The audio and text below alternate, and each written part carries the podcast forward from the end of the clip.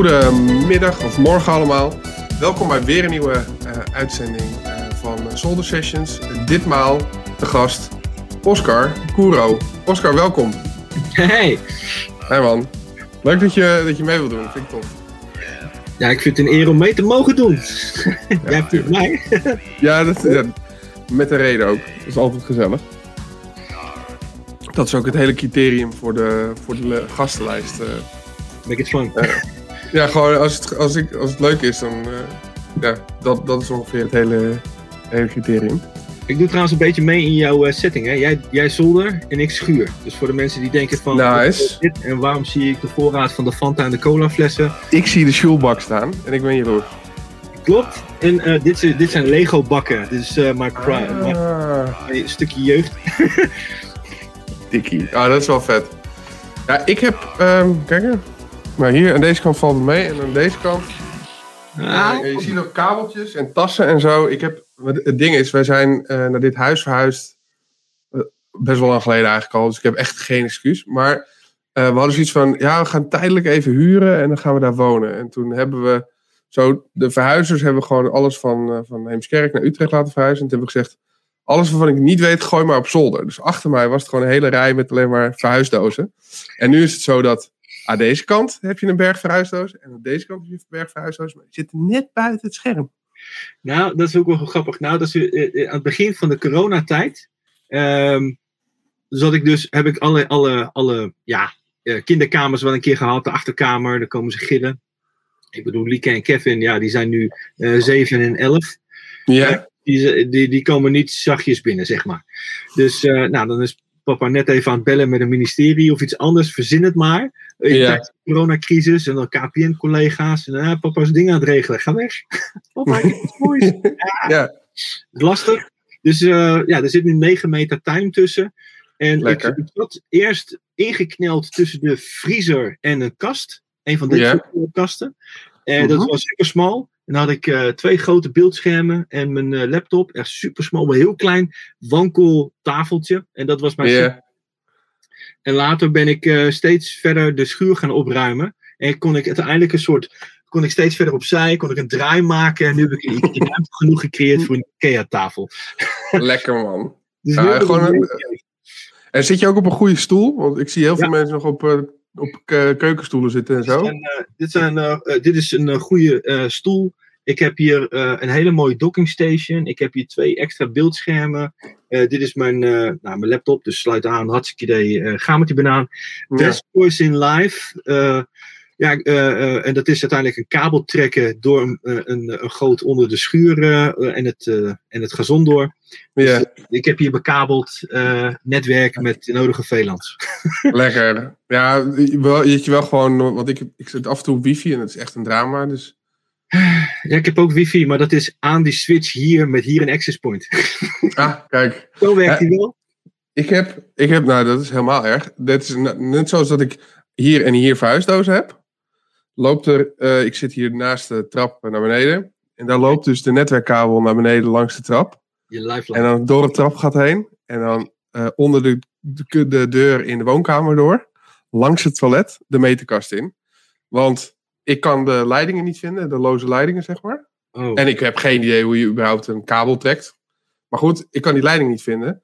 En het, ik ga, het is een huurhuis. Ik ga het ook niet slopen ook, weet je wel. Oh, ja, ja, damn. Dus het is, en ik ben er dus laatst achter gekomen dat... Het is zo'n flat cable. Want ik dacht, nou, dat valt dan minder op. Um, en uh, die zit nu elke keer tussen de deur. Dus het is ook wachten totdat iemand gewoon een keer de, de deur naar de hal open doet en dat het internet klaar is. Ja, of nog vervelender dat je denkt, hé, hey, waarom heb ik maar 100 mbit? En dan zijn er een paar van die kabeltjes zijn kapot. En dan, uh, oh shit, ja, ik doe geen gigabit meer. Dat is nasty. Ja, ja dat zou heel goed kunnen. Gelukkig in huis is er eigenlijk niks waar ik, uh, waar ik gigabit nodig heb. En uh, naar buiten toe heb ik helaas maar 100 100. Ik heb een, een 100-100 lijn van, van KPN. En... Um, uh, dat is ook het maximale wat in deze straat geleverd wordt. Ah. Uh, ja, ja 100, wel glas. Dus ik bedoel, ik kwam uit oh. Heemskerk. Daar, daar, moest ik op, op coax werken.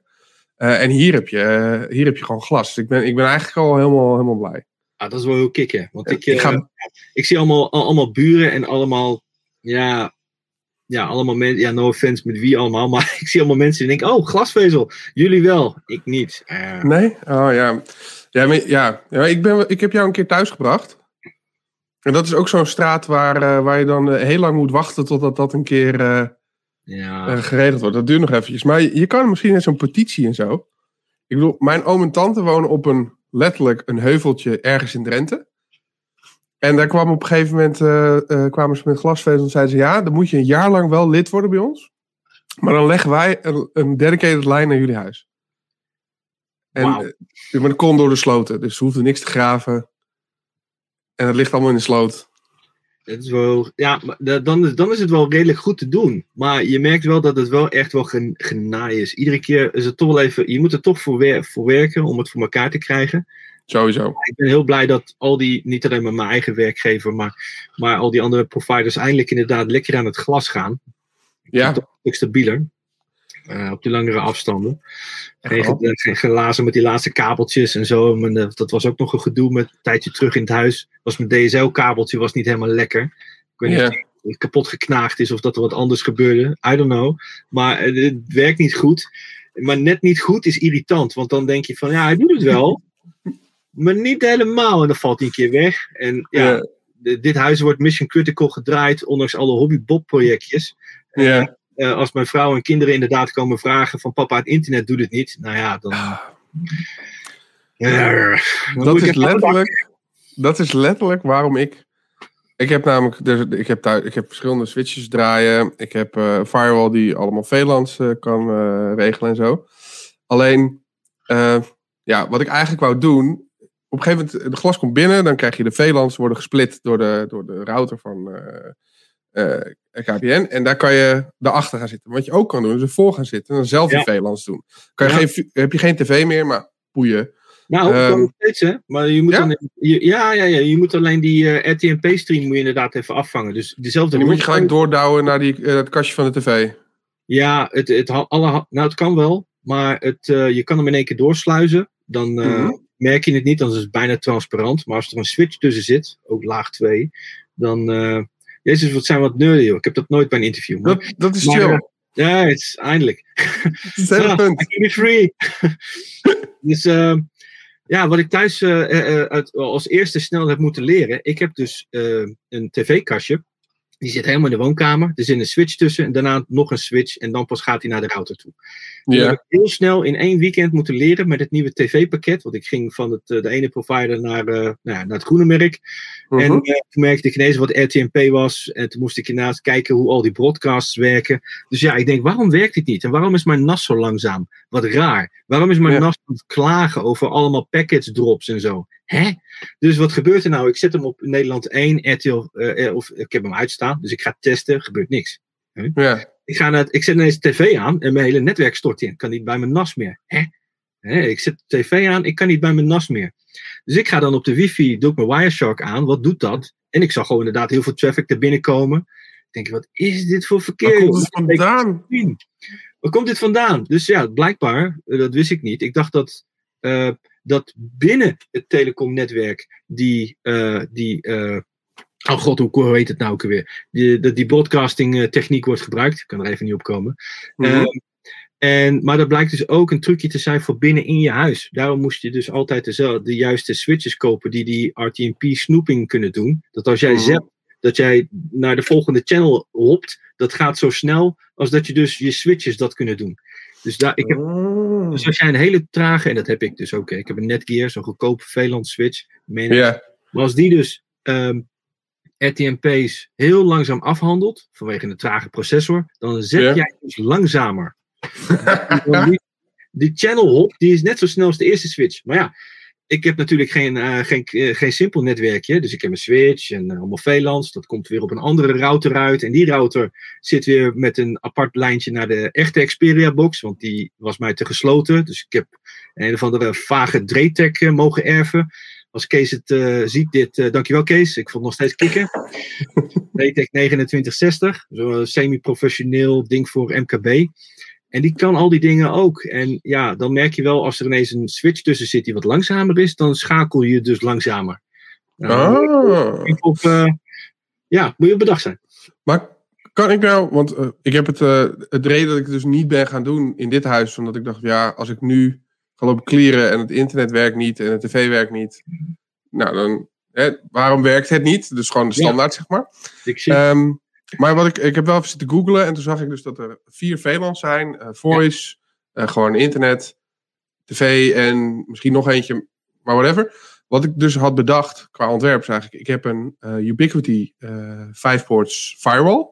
Ja. daar gaat die in, daar komen dus vier VLANs uit. Ja.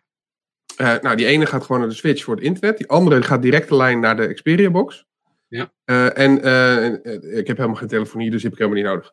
Um, ja, ik heb thuis geen, uh, geen telefonie. dat was eigenlijk mijn plan. dus, dus eigenlijk wou ik het zonder die switch ertussen doen. Maar goed, het zou natuurlijk nog kunnen dat die Ubiquity het ja. niet... Je, moet, je moet wat geks doen. je moet, er is iemand geweest die... ehm, Oh, ik weet zijn naam even niet meer. Vergeef me. Je kan het ongetwijfeld weer terugzien straks. Maar die, um, die heeft inderdaad bij netwerkje.nl is er een verwijzing gemaakt naar uh, ook een Ubiquity configuratie. Die staat Mhm. op, uh, op Gathering of Tweakers. En er staan nog een paar uh, verwijzingen. En uiteindelijk staat het op GitHub ergens. Dus op GitHub staat die beschrijving hoe je de config moet doen. Maar je moet het op de shell doen van je Ubiquity apparatuur. Dus dat is een beetje maar oké. Okay. Dat ding kan meer onder water dan dat hij in de, in de GUI laat zien. En daarmee kan je dus je, je RTMP-streams uh, bijvoorbeeld laten afvangen op dat apparaat, maar alleen maar op het ene VLAN. DHCP op het ene VLAN, een of andere tag meegeven op dat VLAN. Alles wat je Xperia Box Magical doet aan de onderkant. Die dingen doen echt veel. Maar uh, ja, dat, dat is... Ik denk uh, dat ik het gevonden heb inmiddels. Wacht. Add stream. Ja, Bas en er is Meerman. VLAN. Dus jij zei al vier VLANs. Nou, dit zijn ze inderdaad. Er was nog een vierde VLAN, afhankelijk van de provider. Maar ja, hè, ik, uh, iets, ik weet iets meer van KPN dan de rest. Er was er nog een, uh, een extra uh, VLAN die had te maken met de gasten-wifi. Dus als je, hè, Von, van Nera, die, Ja. die werkte ook met een eigen VLAN weer terug de core in en dan weer door. Oh, Dikkie. Ook gescheiden. Dus dat op zich ook netjes op zich. Dat het ook uh, niet over je eigen netwerklijn heen loopt. Die, die loopt parallel. Nice. Ah, ja, ja, ja dit, dit is dan iets wat ik moet gaan inregelen. Want ik, ik moet straks weer nieuwe, uh, nieuwe internet gaan regelen. We gaan verhuizen. Maar gelukkig hebben ze daar ook glas. Ja. Uh, dus dan ga ik, en dan ga ik dit eindelijk echt inrichten, denk ik, hoop ik.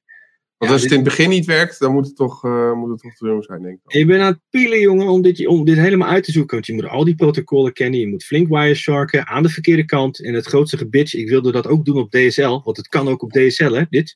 Alleen, Ja. ja, je hebt dan eigenlijk een soort uh, DSL uh, SFP uh, module nodig. En dan kun je het zelf ook. Um, ja, dus, dus als, je, als je er echt handig in bent, dan kun je ermee kloten.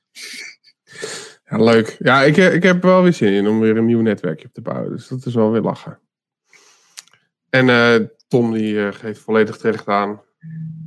Dit is toch gewoon techbron. Dat is het zeker. Ja. Dat is het hele Ja. doel van de podcast. maar het is, het is wel leuk, weet je. Ik heb wat mensen uh, wel eens lopen appen van, ah, ik wil inderdaad dit en ik heb geen tv's. Ah, dan moet je dit doen. Is dat veel, dan heb je die al doorgesluist. Ja, oh, oh, wacht, dat kan op die manier. Maar je kan het Oh. ook routed doen. En uh, als je het dus routed doet, dan, hè, één methode is, je hebt je VLAN helemaal naar je kastje doorgelijnd, ge, uh, doorgelijnd naar de voorkamer, bij mij dan. Ja. maar dan moet ik, even kijken, in mijn netwerk moet ik het door drie switch, twee switches heen halen en een extra router. Nou ja, dus Oh. ik moet door een router die aan de ene kant nat doet voor het internet, moet ik Ja. VLAN aan de WAN erbij kunnen doen. En dan die weer doorlussen, zodat het transparant doorloopt voor dat ene VLAN. Die mag niet mixen met het andere VLAN. Het is best complex. Dus dat, dat, dat kun je, Ubiquity kan het ook. Ja. Maar uh, major advanced.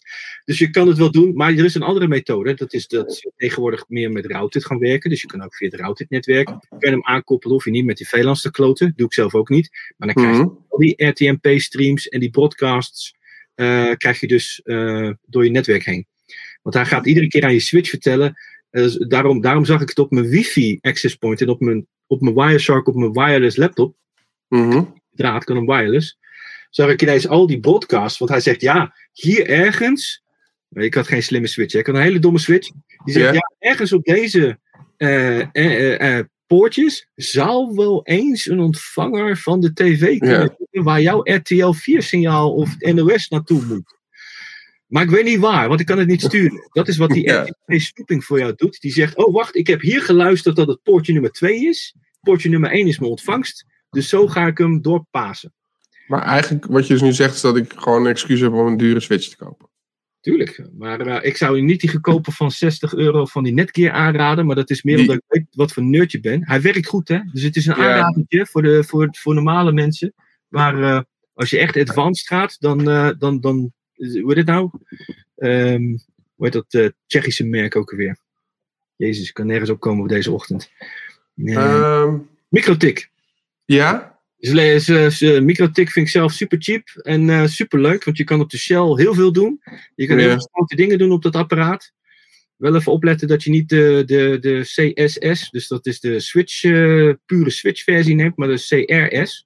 Want dan, heb je, Ja. dan kan je hem in routed mode te- doen. Dan is het gewoon eigenlijk een Switch. Eh, Mijn Metacast ook met twee 10 gig poorten. Eh, en dat, daar kan je gewoon allemaal router dingetjes op doen. Hij is heel langzaam, hij is niet voor gemaakt, maar het kan wel. Dus als je een keertje gek wil doen, hij is goed. Want ik gebruik mijn, eh, die, die eh, Ubiquity eh, firewall, zeg maar, voor mijn routing functionaliteit. Ja. En daarachter moet gewoon een goede switch. Nou, nou heb ik drie van die Netgear switches. Ja. Eh, twee vijfports, unmanaged. Dat, eh, dat zijn de, ik moet ergens heen en eh, ik wil meerdere devices aansluiten op die ene netwerkpoort van, de, van de klant, bijvoorbeeld. Ja. Die noemde ik altijd Witje, het supergeile switchje. Eh, want het is gewoon, het is een prachtig apparaat voor, voor 20 euro. Maar is die managed? En als die Een- geen RTMP-stream, want je hebt ook de unmanaged, die kan van Netgear ook de RTMP-streams eraf pulken, zeg maar. Maar anders zou het altijd broadcasten op alle andere poorten. Dus hij krijgt het in op één. En Ja. 2, 3, 4, 5, die krijgen dezelfde packets gebroadcast in UDP weer eruit. Uh, nee, het is echt een domme switch, joh. Nou, dan zie je, nou ja, goed, daar, ik, ik heb ze vervangen, omdat ik dus gebitcht had met die kring. Hmm. Ja, maar die gebruik ik dus alleen voor engagements. Ehm, en ik heb er eentje naast mijn tv om zeg maar de tv en de PlayStation eh, en de Nintendo aan te sluiten. Ja. Maar die, die heeft dus als enige, omdat ik gewoon, ja, je hebt geen drie dedicated gigabit lijnen nodig eh, voor je tv, je PlayStation en je Nintendo. Nee, maar Eh, ja, en ik heb hier onder mijn bureau heb ik er ook eentje liggen. Aha. Voor, ja, eigenlijk voor het kantoor. Zodat Milene en ik hier alle twee gewoon kunnen werken. En ook nog meerdere laptops en meerdere devices kunnen aansluiten. Die is is acht ports. Die is wel managed trouwens. Ja, dat is wel handig. Ik, ik vind het echt super. Ik heb, eh, ik heb bijvoorbeeld een. eh, daarom heb ik die Ubiquity eh, access points ook. Omdat je meerdere SSID's kan maken. Dus Ja. ja, wat, wat zijn mijn SSID's? De ene is I read your email. Dus dat is de. Ja, nou, het zijn heel super gaaf. Ja, die andere die ligt een stukje verderop. En ik probeer, ik probeer zo'n nieuwe te kopen, maar die stomme chipleveranciers op de wereld. Oh, Ja, die ik kan wil- ik kopen. Oh, het, is zo, het is zo verschrikkelijk. Welke wil je hebben? Ik wilde, het liefst eh, wilde ik die LR hebben. Dus de U6 eh, LR, die nieuwe. Die is Ja. groot, krachtig. En het idee, ik heb één access point en dan kan ik de rest van de straat ook mee doen als ik wil. Ja, is het die APAC LR? Ja. Oké. Nou, je hebt de AC LR, maar je moet wel de U6 hebben. Want die heeft ook WPA 3. En eh, die heeft nog meer range en nog meer geile dingen. Even kijken. Ja, hij staat niet op bol of eh, cool. Hij staat niet op deze. Dit is nog de classic, zeg ik dan maar even netjes. Nee, deze is het niet.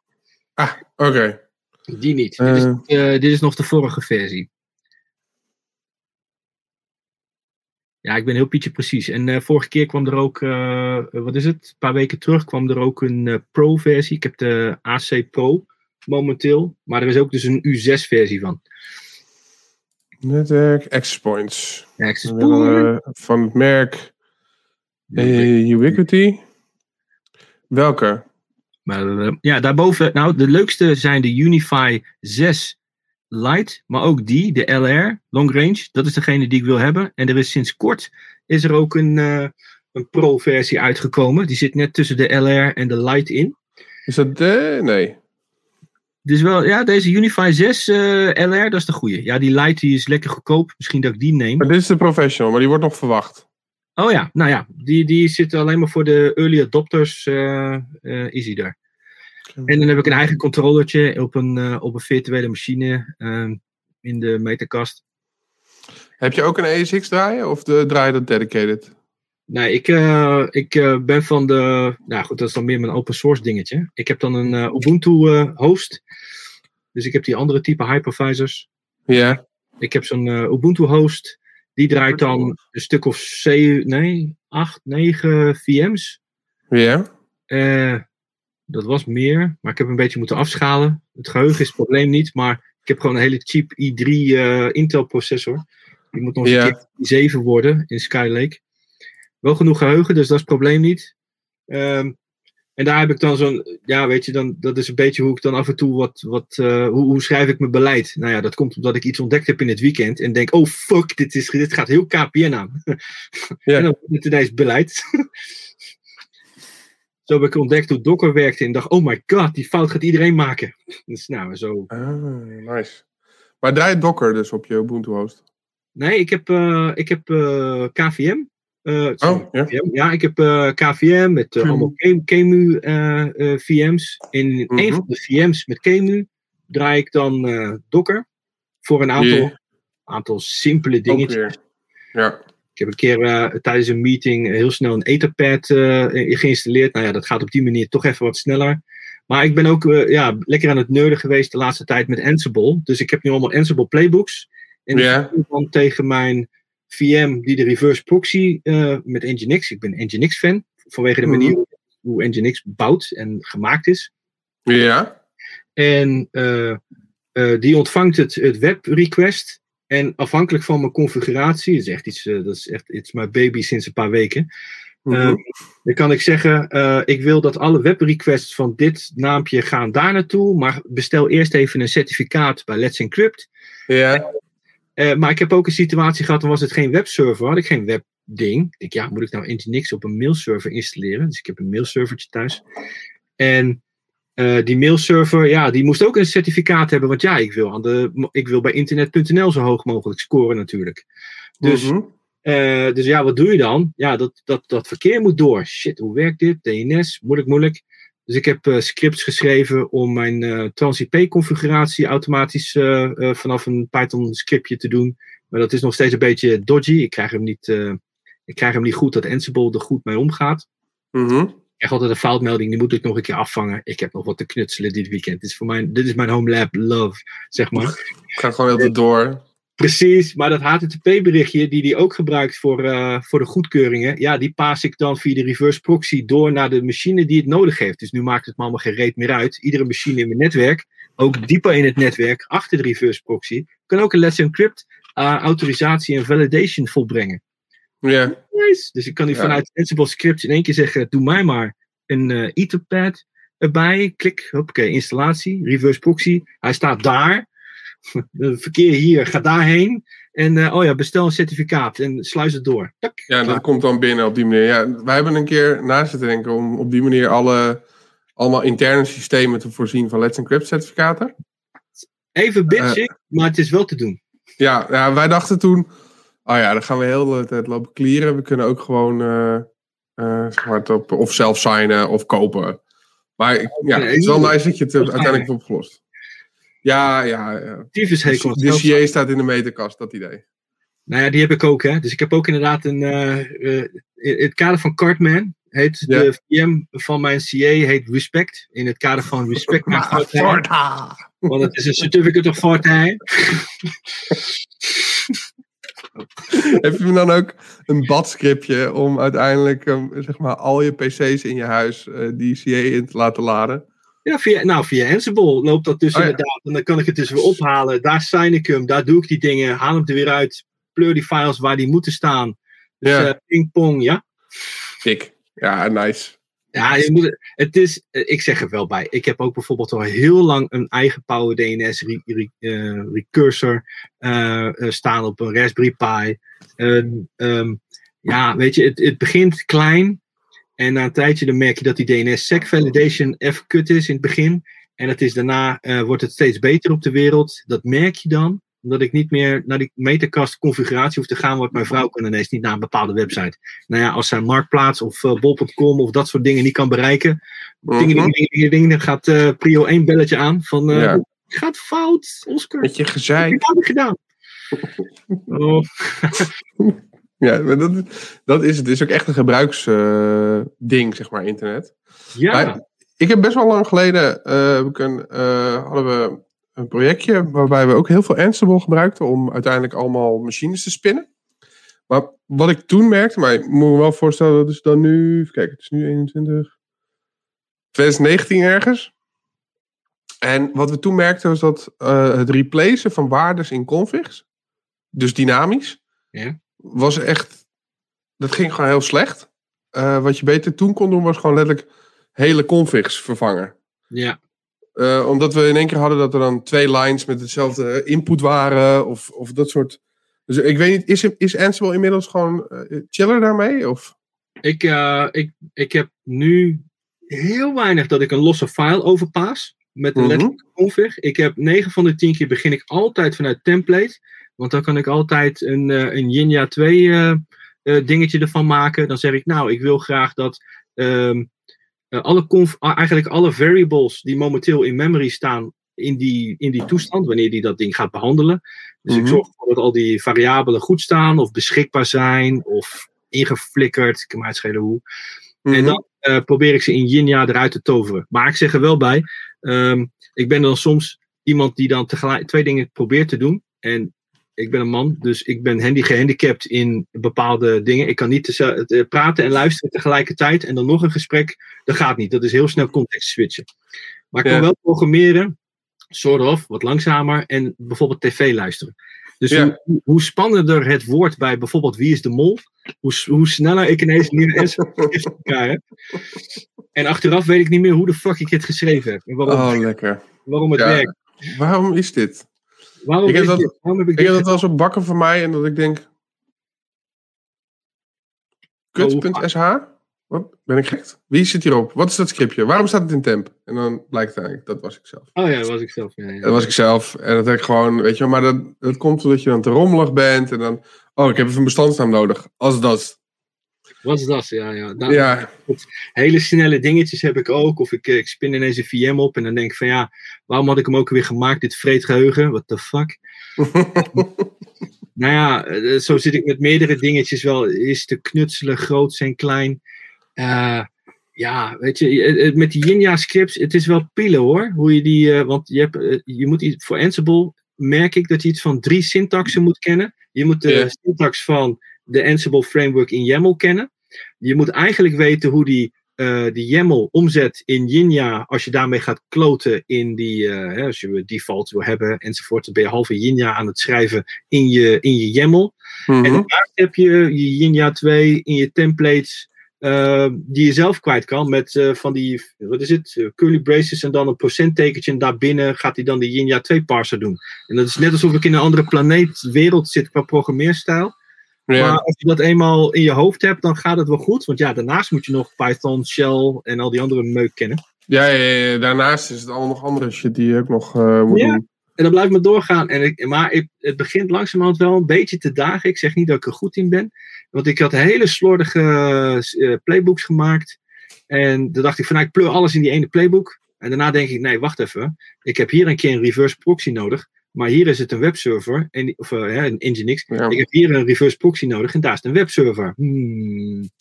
Hoe ga ik dat nou weer doen? Ik wil het eigenlijk vanaf één eh, config doen. Dus pas na een jaar knutselen kom, ga ik het pas enigszins op de goede manier doen, omdat ik geen scholing heb. Hm. Dat is mijn autodidactisch eh, ding. Prutsen, prutsen, prutsen en ik zie wel hoe het werkt. Oh my god, ik heb de hele filosofie, filosofie verkeerd begrepen. Dat moet snel anders. maar dat is juist, ik, ik heb zelf ehm, dat ik heel moeilijk leer van een boek. En juist door het verkeerd te doen, eh, leer je veel beter. Ja, misschien leer je niet heel goed ermee werken, maar je leert wel hoe, hoe je ermee kan werken. Ik had laatst een, eh, eh, vanwege wat publieke dingetjes, kwam iemand mij tegen op LinkedIn. Heel Mhm. erg recent. En die had me een eh, berichtje gestuurd. Ik wil heel graag linken. Hè, de- wat dat betreft, eh, ehm, accepteer ik dat vaker als iemand inderdaad met, met nobele intenties of open intenties aan het begin van de carrière staat en die wil dan meeliften of zo. Dan waarvan ik denk van ja, oké, jij wel, want ik gun het je gewoon. Ja. Uh, zo rol ik ook wel weer. Maar um, die had dan een berichtje gestuurd met ja, ik wil heel graag uh, wat van leren van jou enzovoort. Nou, cool. En toen ontstond er een klein gesprekje in uh, de DM's van LinkedIn. En ik zeg, en uiteindelijk kwam het er wel op neer. Ik heb nou, best wel wat uh, geleerd door fouten te maken. Oh, heb je fouten gemaakt? Dan zei ja, heel veel. ik heb heel veel fouten gemaakt en verdomde veel kunnen leren, goddank. De grote vraag is inderdaad, hoe, hoe, hoe, hoe kom je weer terug uit een fout maken? Dat is wel verschillend. Als het echt een clusterfuck is en je bedrijf is naar de tyfus, ja, heb je niet goed gedaan. Maar als je Maar, het gemaakt hebt, maar het is eigenlijk heel snel weer te fixen en je kan glimlachen erachter van, oh my god, dit was erg. Maar glimlach, ja, dat is even heel anders. nou, ik lees, las toevallig net een Twitter-thread van eh, een van de oud-oprichters van Discord. Dacht Oh. ik. Ja. Ehm, die had net een bedrijf, eh, zijn bedrijf was stuk. Atradius. Was een nieuw bedrijf, had hij opgericht. En er was 75 miljoen hadden ze verbrand in een jaar tijd. Eh, en toen was het op. En was het bedrijf klaar. Anderhalf jaar tijd of zo. En die had daar ook een hoop van geleerd. Dus zelfs als je hele bedrijf naar de klote gaat, als je gewoon miljoenen genoeg hebt, dan kan dat ook nog. Ja. It's never, Maar- it's never too tough to learn. Het is wat dat betreft, Nee. je moet er gewoon open voor staan. Want ik denk dat het echt houding en gedrag is om eh, te durven erkennen dat er iets is misgegaan. En Ja, weet je, who cares? En dan, dan, dan moet je maar gewoon hopen dat het gewoon beter wordt. En, eh, Ik heb ja, het, eh, uiteindelijk een foutje van mij heeft ervoor gezorgd dat er een callcenter van een grote Nederlandse bank niks meer deed. Ja, ik heb er wel van geleerd, man. het is wel, ja, die fout maak je niet nog een keer. En het was groots en Mhm. meeslepend, dat dan ook weer wel. En eh, de, de meest wijze man op aarde, die, heb ik, die zei altijd de gevleugelde uitspraak: Het kan altijd beter. Deze meneer was de koffie- en schoonmaker, koffieleverancier, maker, brouwer bij het eh, koffiecornertje bij, een, eh, bij het laboratorium waar ik werkte. Ja, Die kwam altijd binnen. Hey, hoe gaat je dag vandaag?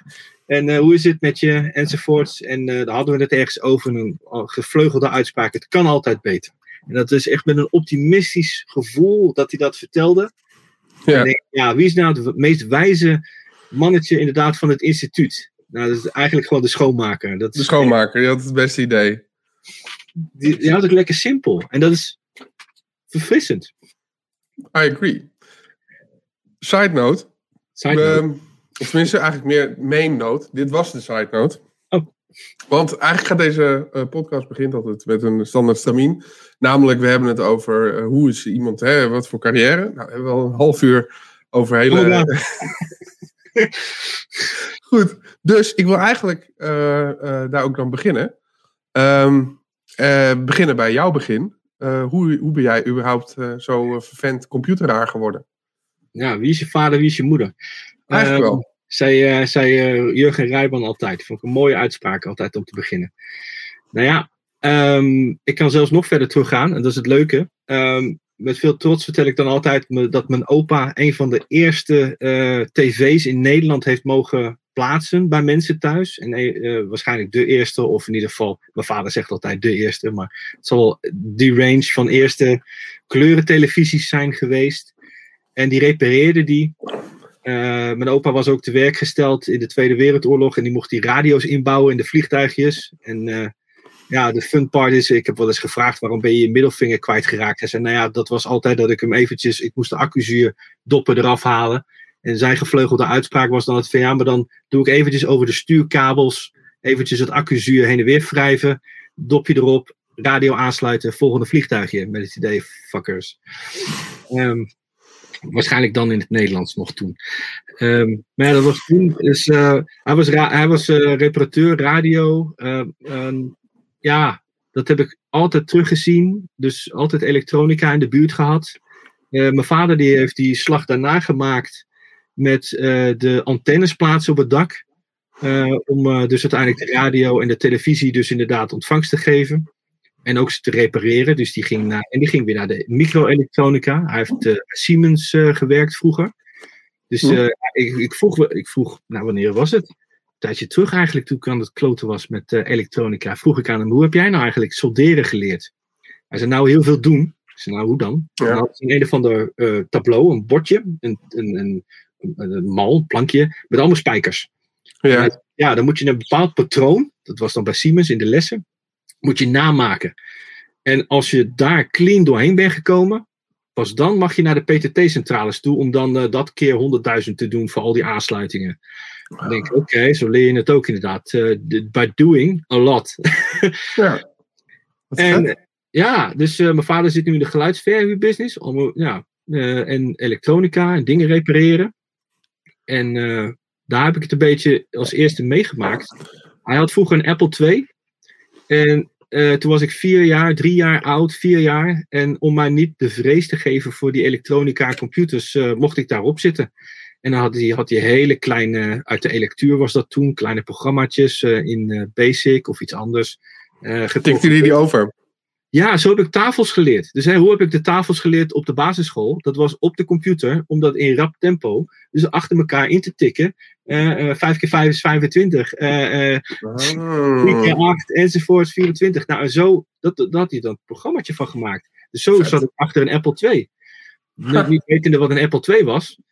Um, en, en zo, licht.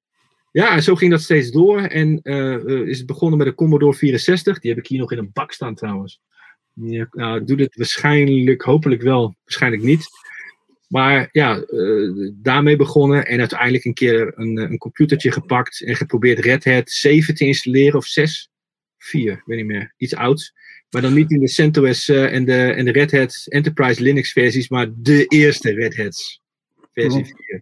Dus dat was uh, eind jaren 90, ik snapte er geen, geen klap van. Maar... Wat is dit joh? Dus ik heb, ik heb veel moeten. Ik heb thuis het computernetwerkje een beetje lopen verbouwen.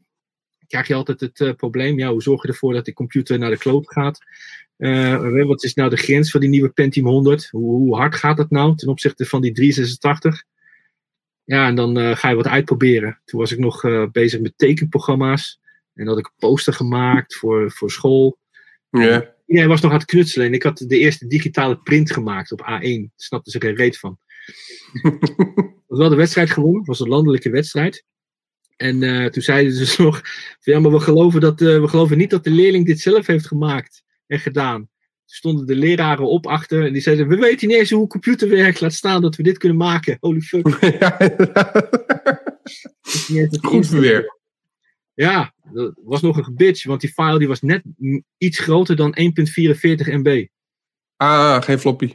Mm, breng dat ja. maar eens naar de drukker. Twee floppies. Ja, nou ja, dat, dat is taai, want ik weet mijn god niet hoe je dat moest doen. Dus we moesten aparte software downloaden om te kijken hoe je dat deed. Ik deed vroeger, ik weet nog, want ik had, mijn moeder was systeembeheerder. Um, en die had, uh, die had zo'n zo doos floppies mee. Ja. En dan had ik een spelletje op de fiets en dat ging over meerdere floppies. Maar dat regelde het OS gewoon. Dus dan kopieerde ik iets in het floppy en dan zei je gewoon, stop de nieuwe erin. Ja. En dan zat ik met een stiftje, zat ik netjes gewoon uh, één, dan, twee. Dan. Ja, zo heb ik ook Zo, zo, zo, heb ik ook Corel 3 en uh, hele oude software inderdaad geïnstalleerd. Maar goed, zo begon ik inderdaad met natuurlijk gevoel voor de computer. Toen begon uh, die ene computer in de woonkamer, werd uiteindelijk toch uh, met een switch en een koppeling daarnaast. De eerste router die ik had, ja, ik weet niet of je het ziet. Nou, je ziet het net niet. Ik kan hem niet zien. Ja, achter, ja, achter in het hoekje staat nog een, een machine. En dat is mijn oude. Dus dat, dat, dat, even kijken, daar, dit ding. Dat is een ik zag hem. Een 486, 100 MHz, DX4. En uh, volgens de specs kon je daar geen Windows 2000 uh, op installeren. Er staat Windows 2000 Advanced Server op. Dit was de allereerste keer dat ik van het internet afgetiefd was. Want hij stond namelijk met zo'n ADSL-router, zo'n uh, platvis, zo'n USB. Ja. Weet ik veel hoe het internet werkt. Ja. had hij dus blijkbaar gewoon een open poort en RDP en alles wat dat ding had aan de buitenkant, dat stond gewoon open. Ja. Dus hij was helemaal vol met malware. En dat zit hier nog steeds waarschijnlijk.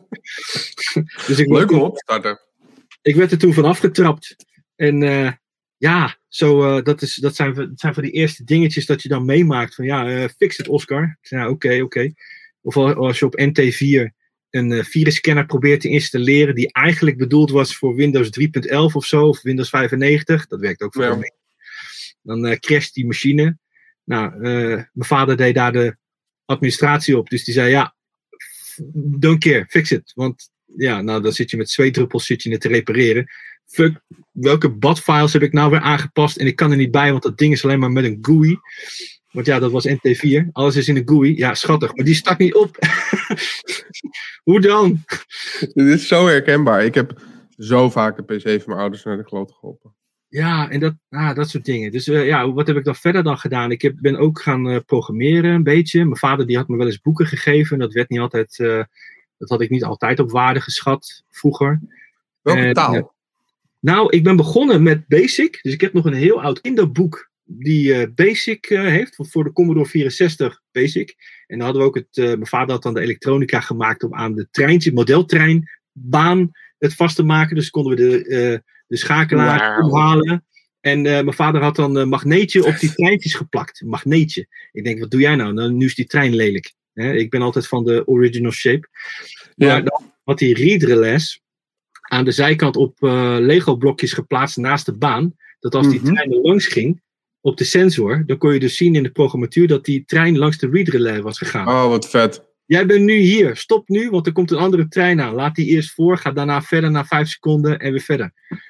En uh, ja, met drie treintjes na een tijdje crashen ze ergens. En nou ja, dat is dan, uh, nu loopt het programma nou ja, fysiek vast. Want de treintjes liggen dan ernaast. Naast de baan. Ja, dat soort dat dingen. Dat is wel heel cool, man. Dat je, dat je, ik was altijd jaloers op mensen die, of uh, kinderen die dan ouders hadden die dat soort shit deden. Ja, maar ik snapte nooit hoe het werkte. Dus mijn vader deed het voor en ik tikte het na. Dus uh, monkey, ja. monkey do, maar ik had geen flauw idee wat ik aan het doen was.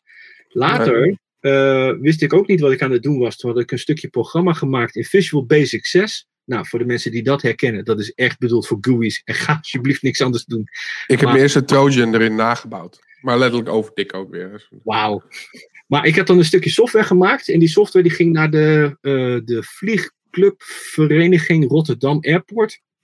Daar was mijn vader lid van. Die had uh, zijn public, of nee, zijn private, zijn PPS, weet ik veel hoe dat heet. dat, je, dat je een vliegtuigje mag besturen.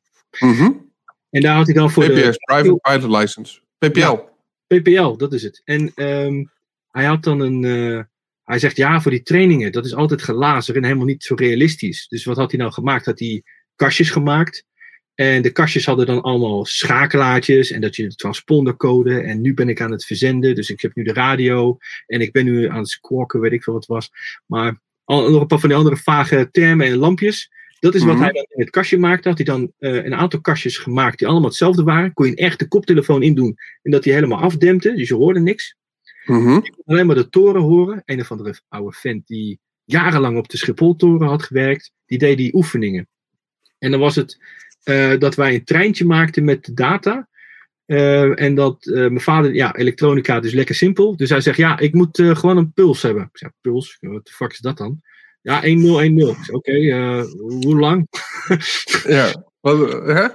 Weet ik veel. Ja, ongeveer dit. De specifieke, hè, ik heb zoveel nanoseconden. Hoe doe ik dat in Visual Basic? Nou, dus Basic kent, kent geen nanoseconden, denk ik, of wel? Nou, nee. Dus wat had ik gebruikt? Ik had de comport. Hij zegt, je moet het gewoon via de comport doen. Ik zeg, papa, uh, de comport, die heeft een RX en een TX. Er komen altijd bytes uit. Daar kan ik niks mee met start- en stopbits. Ik zeg, jij wil het nog veel rudimentairder hebben, want jij hebt alleen maar, uh, uh, hoe heet het nou? Shiftregisters achter elkaar geplaatst. Dus al die apparatuur zit allemaal vast aan shiftregisters. Ja. Oké, okay, dus het was iedere keer kabeltje tussen en de shiftregister trein werd gewoon veel langer. Dan zeg ja, je moet gewoon, wat is het? 400 van die pulsen geven, even wachten en daarna doen we het nog een keer. En dan uitlezen wat eruit komt. En dan schuift die, al die bit schuift door. Ja. Ik zei, ja, uh, oké, okay, hoe ga ik dat doen met een compoort? Ja, ja, ja. Hm. Dus ik heb een van die andere pinnetjes uh, gebruikt. Dus niet de RxTX, maar je hebt een controlpoort van ready to send. En uh, ook een return van, ja, ik ben inderdaad, dan kan die luisteren, van ja, de andere partij is ready to send. Ja. En, dat zijn de poorten die ik de hele tijd. Tik, tik, tik, tik, tik, tik, tik, tik. dus die ging gewoon zoveel keer heen en weer jengelen. Hooglaag, hooglaag, hooglaag, hooglaag, hooglaag. En even die andere pinnetjes opvangen. Dus die RX en TX-poort heb ik nooit gebruikt. Maar ik kon wel alles uitlezen en visueel maken. Dus ik kon een, voor negen participanten kon ik dan laten zien welke knoppen ze precies ingedrukt hadden. Nou, de latency was ja, na een millisecondes. Dus dat ging hartstikke snel. Nooit wow. Dus ja, dat was zo'n eerste projectje met mijn pa. En dat was een beetje ook toen ik net begonnen was met eh, de Hogeschool Informatica. Want ja, ik ben dan. ja, middelbare school was ik al wel redelijk goed met computers. Dat was dan de gevleugelde term. Ik mocht heel vaak de computers fixen van iedereen. Mm -hmm. ook veel van geleerd. ook wel eens als je bij mensen thuis komt. goh, wat staat er in dit, dit, dit foldertje? Moet ik die ook backuppen? Nou. mm. Ja, dan weet je zelf ook wel wat voor wat daarin kan staan. Ja, maar dat is, dat, dat is altijd super Willen bewaren ook. Ja, dan zeggen ze hooguit, ja, liever wel. Ik zeg, moet ik erin kijken om wat erin staat? Wil je altijd even controleren of het allemaal goed overkomt? Nou... Hoeft niet. Oké, okay, later. Die hoeft dan ook weer niet. Had je nou ook dat je... Want ik had op een gegeven moment dat ik bijvoorbeeld... Een beetje spelletjes en zo uh, begon te spelen. En ook... Uh, um, maar, kopietjes. Ik had op een gegeven moment een, op de basisschool een heel levendig handeltje in Pokémon Red en Blue. Op floppy. Je bent iets jonger dan ik, hè? Dat is, dat, dat is net na mij gekomen, die, die meuk. De, de wares. Ja, wat hadden wij? We hadden toen uh, op de middelbare school hadden we bijvoorbeeld. Uh, oh, hoe heette dat nou? Dark Series? Nee, van die DVD's of CD's. CD's toen. Van die CD's ja, jawel, die had ik ook. Um, hebben we het vorige week nog over gehad. Uh,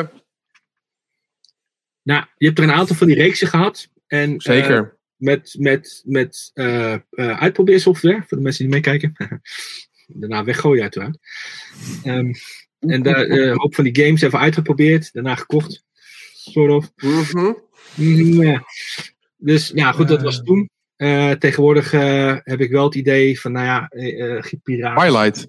Twilights en dat soort dingen. Ja, ik heb, er wel van geleerd, ook met het gezeik, want soms doen die dingen het niet meer. Um, en dan denk ik van ja, Jesus Christ, als ik dat dan inderdaad uh, zo ga doen, dan kan ik glazen mee krijgen. Ik heb vroeger ook wel mensen geholpen aan Office-versies. Uh, Ken je deze nog? Ja. Maar ik ben toch uh, Crazy Bites, die heb ik ook heel veel gehad. Crazy ik Bites, ik had, was mijn ding. Ik had vooral Twilight. Ik had, ja, het was ook de vraag, wie kende je waar je die cd kon ja. kopen? Het, het hing er vanaf, zeg maar. Ik kende iemand die Twilight had. 25 gulden. Ja, ik had dan weer kopieën van. Of ik had de crazy. Ik, ik, laat ik zo zeggen, ze kwamen tot me. En ik heb er nooit een cent aan gegeven. Ook niet aan de Crazy Bites. Dus dat, ik weet niet hoe. Maar ze waren ineens thuis en het werkte. Ik was blij. Ja, ja, ja. Ik had op een gegeven moment eentje, daar kon je het bestellen. Dus dan kon je niet. Oh, het was niet meer een verzamel-CD, maar dan was het letterlijk. Zoals uh, Tomb Raider kwam dan uit. En dan wou ik Tomb Raider hebben. En dan ja, kom ik daar dan aan. En dan voor vijf gulden uh, kon ik Tomb Raider bestellen. En dan op een dag, dat duurde dan super lang voordat het eindelijk een keer binnen was. Ja. En dan uh, kwam uh, de buurman en die zei: Ja, ik heb hem binnen. Hier alsjeblieft. En dan had ik ja, de CD en dan was het open en alles werkte. Ik heb ook nog die periode daarvoor meegemaakt. Dat, ik snapte nooit zo goed hoe het precies werkte. Hè, maar again, Monkey See, Monkey Do en een, en een -huh. En dat was dat de buurjongen met een cassettebandje kwam. Oh ja, Commodore 64. En ook dat ik het zelf wel eens geprobeerd heb op te nemen. En ja. ging nooit goed. Die, die, die, die, die werkte nooit. Maar goed, uh, gelukkig had ik mijn buurjongen en die, uh, die had ze wel werkend. Dus daar, dat waren een aantal van de games die ik had. Dus ik had originals en ik had een mix van dat soort uh, variaties. Nou, later is dat wel een beetje de Crazy Bytes reeks geworden. Daarna ben ik wel ervan afgestapt. Dus ik ben bijvoorbeeld toch wel de Open Office, Inkscape en dat soort dingen voor thuis gaan uh, gebruiken. Dus uh, oh. zelfs mijn vrouw gebruikt momenteel LibreOffice en ik gebruik het zelf ook. Ja. Vrijwillig? Nou ja, ook omdat ik uh, gewoon geen Word heb gegeven en daarvoor wil betalen op die manier. Dus ik moet zeggen, Word is wel tegenwoordig schappelijk geworden. De, de, de times have changed. Ja. Maar toen dacht ik van, nou, dit is wel het handigste.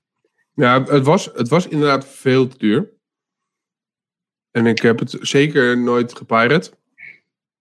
Ehm, maar uh, ja, tegenwoordig is het echt wel heel betaalbaar geworden. Ja, ik vind het ook leuk. En het is, uh, dat maakt het ook wel een stukje toegankelijker en prettiger om het gewoon legaal netjes te doen. Dus ik heb ook heel veel. Maar dat is wel nasty, hè? Ik heb dus ook situaties gehad. Dus dan ook een beetje, hè, dat komt inderdaad ook vanuit jeugd tot en met later. En ik ben daar veel te naïef in geweest voor veel te lang. Mhm. ik, ik, zou een hele goede zijn geweest voor t-shirt I will not fix your computer of I will not get you pirated uh, software. Ja. Ik heb dus ook wel weer meegemaakt dat er mensen mij belden. Uh, hey Oscar, hoe is het met jou? Gaat goed? Oh, wat leuk. Gezellig. Um, ja, mijn computer doet het niet helemaal goed. Kun je helpen? Ja, sowieso. Mijn internet is stuk. Uh, kun je me helpen? Ja. Of, eh, goh, maar eh, ik wil de allerlaatste versie van Office hebben. Heb jij die heel toevallig? Ja, Ja. ja. Ja, je wordt er... Ik had eh, dan met familie kwam ik er niet onderuit. Eh, en dan was het ook...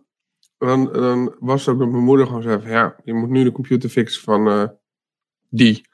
Weet je, en voor de buren deed ik dat dan ook. ja. En dan zat je op een, zondagmiddag en dan was je hele middag was weg. Omdat Ja, ze gewoon fucking goor, goor apparaat hadden. Wat dan alles wat ze tegen kan klikken, klikken, klikken.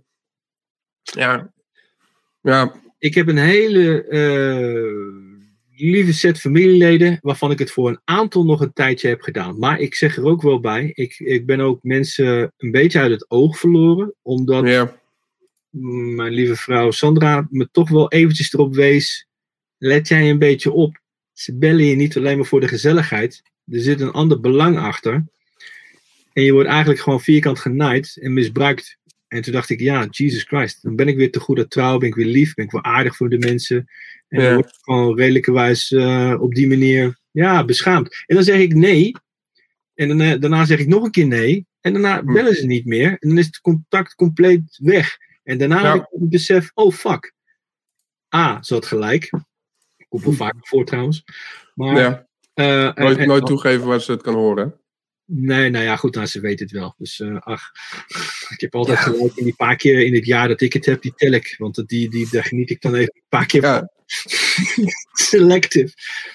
Maar ja, eh, dan merk je wel inderdaad dat je af en toe wordt misbruikt voor wat je kan en wat je weet en wat je kan regelen en organiseren.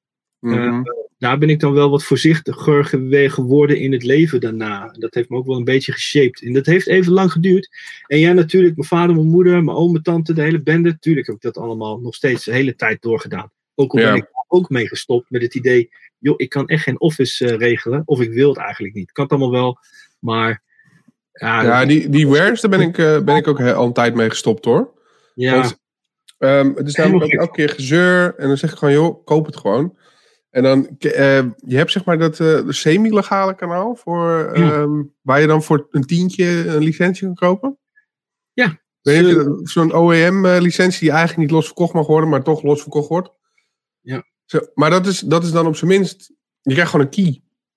Dus er is geen gezeur met, met garen, downloads en sketchy shit. Eh, misschien dat nog steeds niet mag, maar... Keygens, joh. keygens op je toestel uh, om het maar voor elkaar te krijgen. What the fuck? Dus ik ben eh fervent gebruiker van GIMP, eh, Inkscape en eh, dat soort tools. En eh, allerlei tool F, MPEG op de command line als ik wat moet hervormen.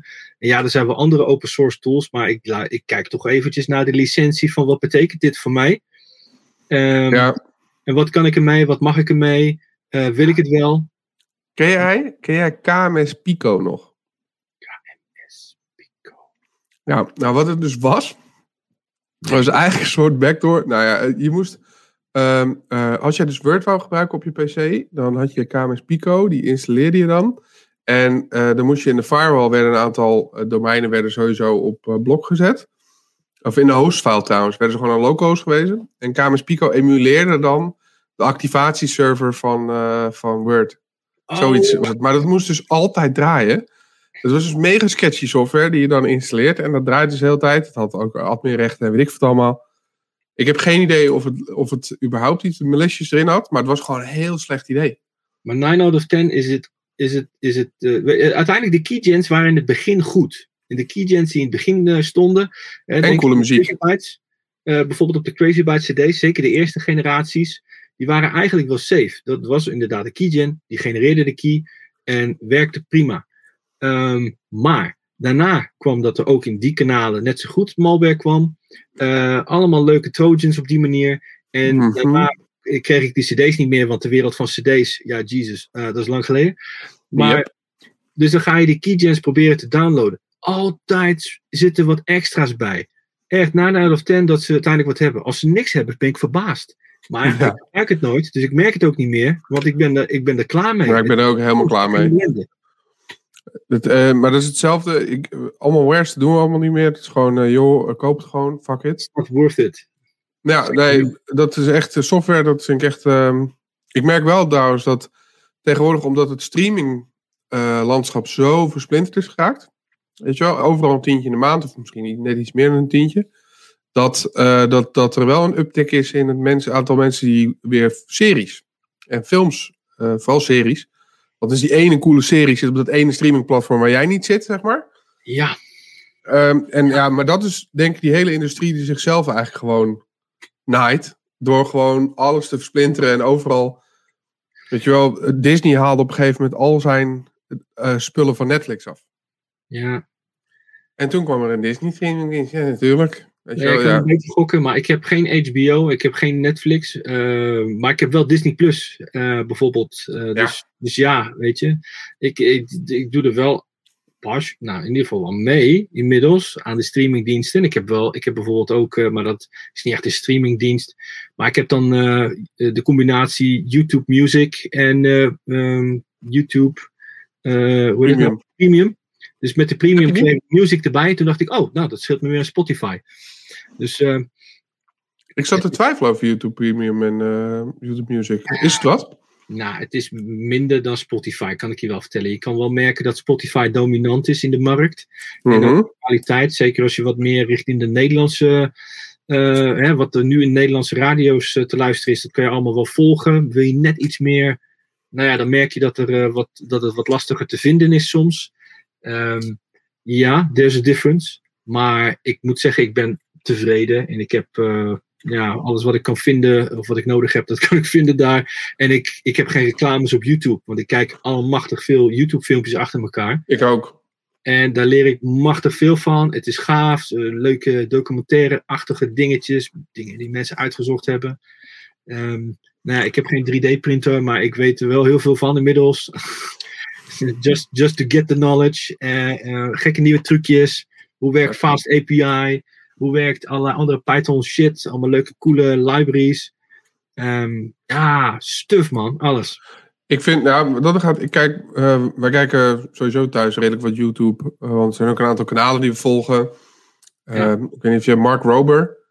Dat is een, ja, een oud engineer van NASA. En die heeft nu gewoon een YouTube-kanaal waar hij leuke dingen bouwt. Oh, cool. Dus die heeft nu heeft die, uh, die heeft heel veel eekhoorns in zijn tuin. En die deden elke keer de, de vogelvoederbak, zeg maar. En dan kocht hij een vogelvoederbak waar ze dan niet in zouden kunnen komen. En dan zag hij, oh, dat kunnen ze wel. Dus uiteindelijk had hij een heel parcours gemaakt voor ze. Met allemaal gekke ja, dingen die bewogen. En dingen waar ze dan van sokken. En uiteindelijk, als ze dan heel op het eind konden komen. Dan kwam er een hele grote bak met alleen maar walnoten. Uh, konden ze dan. Oh, dat is nice. Ik bedoel, dat en dan is, zie je ze, uh, ze redden het ook uiteindelijk. Ze, ze, ze, ze pakken uiteindelijk ook. Uh, dat heeft hij nu twee jaar gedaan, maar hij heeft ook die doos. Je hebt in Amerika hebben ze dat pakketjes voor je deur zetten. Dat is ja. blijkbaar normaal daar. Dus heb je Porch Pirates. Die ja. mensen die rijden gewoon door, eh, die jatten. Dus wat hij dan had gemaakt was een kist waar aan vierkanten een telefoon zit, die filmt. Die telefoons en dat die dan. Die doet. Ja, nou, dat is die doet. En Fuck hij doet denk ik vijf video's per jaar of zo. Hij doet heel weinig. Maar elke keer als hij een video uitbrengt, is het gewoon kwaliteit. Dus dat is gewoon leuk. En zo kijk ik eigenlijk geen normale tv meer, maar wel YouTube en Netflix. Ah, ik kijk wel echt alles door elkaar heen. En uh, ik ben dan uh, zo'n zo'n zo'n eikel die dan een, uh, een koptelefoon pakt en Bluetooth naar het tabletje. En dat is hoe ik dan zeg maar de brood, het brood smeer. Dus brood en dat soort shit aanpakken. Dat is, of ik ga de vaatwasser uitruimen. Nou, dan pak ik een koptelefoon, zet ik mijn tablet neer. Waar ben ik gebleven? Daar. Ja, nou, is precies hetzelfde. Ik, heb, uh... Kijk, ik ga een bad, ik heb een tablet bij me en naast me staat een Bluetooth speaker, zodat ik niet de hele fucking badkamer laat meegonzen in het geluid, want ja, dat hoor je niet goed. Dus ik heb een nee. hele, eigenlijk deze, dit, dit past er net op, uh, uh, naar mij toe. Deze hele grote Harman Kardon -huh. speaker, Bluetooth en een accu. Die staat dan naast me, oor zo'n beetje. Dat is echt kwaliteit -huh. in de badkamer. En zo zit ik inderdaad mijn YouTube-filmpjes te, te ordenen. te kijken. Nice. En zo heb ik ook dingen geleerd over uh, van VMware met VXLANs. Dat is hele uitgebreide uitleggen. En stukjes van Cisco. Uh, die stuk over netwerktechnieken, nieuwe dingetjes uitlegde. En ik denk, oh wauw, werkt dat zo? Nou, en dan drie maanden later komen mijn collega's ineens. We hebben wat leuks. Ik zeg, oh, dat, dat werkt op die manier. je bent toch een security kneus, wat doe jij daar nou mee? Zeg, ja, je bent toch geen ja. engineer? Ik zeg, nee, maar ik vind het wel leuk. Blijf het doornemen. Dat is sowieso, ja, dat vind ik wel heel leuk aan, um, aan YouTube. Dat er een soort, er is een soort tv ontstaan die mega... Weet je is dit jouw ding? Oké, cool. Nou, die zijn allemaal mensen die er video's over maken. Ja, je kan wel merken dat het algoritme zijn werk doet hoor. Dus ik moet af en toe wel even uit het algoritme tikken en zeggen: Oké, ik wil gewoon even echt wat anders. Uh, Geef me ponies. Ja, ook, whatever. ja, gewoon even iets helemaal anders. Helemaal anders, helemaal anders. Ja, ik merk bij mij, als ik nu gewoon op mijn YouTube uh, startpagina kijk, dat het, uh, het is uh, Nintendo ROM hack playthroughs, podcasts en um, food, meuk en klimvideo's. Ah ja, ik. en mijn vriendin die heeft gewoon pech. want die krijgt gewoon alles door de strot gedouwd. Want ik heb namelijk YouTube-video's aanstaan tijdens mijn werk. Ik heb altijd, uh, weet je wel, dat er iemand vier uur lang een of andere Mario-level aan het spelen is. Prima, weet je wel, dan hoor je dat commentaar en dan kan ik gewoon mijn ding doen. Dus dat betekent ook dat het algoritme heeft bepaald dat dit huishouden nou eenmaal van Mario houdt. Ja, en dus mijn vriendin ook. Heel veel. ja, hè, moet kijken, hij kijkt vijf uur lang. Kijk, dus dit moet hij wel leuk vinden. Dat is heel het idee. Nou, ik volg het nieuws, uh, nieuwsdingetjes. Is zo, je hebt zo'n, uh, bij de NOS heb, jij, heb je altijd zo'n item. Ik weet ook even de naam even niet zo, maar die, die volg ik ook. Die, die was superleuk over de naslag van wat er allemaal verder gebeurt. Nou ja, de laatste tijd, nou goed, soms wat Star Wars-achtige background. Nou, dat is echt diepe nerd shit. Of alle trailers of uh, background stories van hey, dit is wat je gemist hebt in WandaVision. Dat, heb je deze dingetjes en verwijzingen naar de Ja, wist jij dat dit erin zat? Ik vind het dan super leuk om te kijken. Kijk je trouwens ook um, uh, in the Night uh, die andere Marvel serie op Disney Plus? Ik ben even de naam kwijt. Mm, ik heb ze volgens mij bijna allemaal gezien, maar ik moet die allernieuwste nog, Captain America en The Winter Soldier, zo heet het. Ja, allemaal afgezien. Dus, uh, allemaal is het dus- wat? Want ik heb uh, twee afleveringen, drie afleveringen gekeken. Toen dacht ik, oh, het is een beetje schieten. Minder dan WandaVision. Want mm -hmm. zit echt wel een heel gekke verhaallijn in dat je denkt, hoe de fuck begint dit nou weer? En dan begint het daarna heel dark te worden. En dat, dat vind ik wel leuk. Uh, ja, bij, dit, bij, dit, is het ook zo, maar minder. minder. Het, is, het is iets minder, maar ik zou hem nog steeds aanraden. Want ja, ik ben zo'n Marvel nerd nou eenmaal ja, jeetje, wat heb ik verder op YouTube? Ja, toevallig nu dan uh, de nieuwste gadgets, nieuwe knopjes uh, van allerlei applicaties. Uh, maar het is zo gevarieerd, het is bijna niet op te noemen. ja, full course fast API. Ik denk, nou, oké, prima. nieuwe Python dingetjes, maar ook crosstalk solutions die dan vertelt over, hey, dit is wat je allemaal met je thuisnetwerk allemaal kan doen. Um, ehm, LTT.com. Uh, eh, oh, ja, kijk ook. Uh, ik luister altijd uh, die podcast meestelijk. ook. Ja, meestelijk hoe die dat. Uh, nou, de podcast net niet, die is me te lang. Maar oh ja, nee, dat doe ik tijdens het koken. Maar ook bijvoorbeeld de vergelijkingen van uh, uh, de M1-chips en waarom zijn die sneller en beter. En uh, Jeff Geerling, die vind ik ook hartstikke leuk met zijn, nieuwe, met zijn lekker kleine projectjes die je ook thuis kan doen. Dat vind ik wel leuk van Jeff Geerling, inderdaad, zo'n dingen. Van ja, het kan allemaal, je kan het ook waarschijnlijk net zelf aan, ook thuis. Dat vind ik wel leuk, de bereikbaarheid van dingen. Dat, wat ik zelf ook heel leuk vind, dat is niet zo bereikbaar, maar is Adam Savage, die ja. van Mythbusters. Die heeft ook zo'n YouTube-kanaal. En die, die one day builds van hem.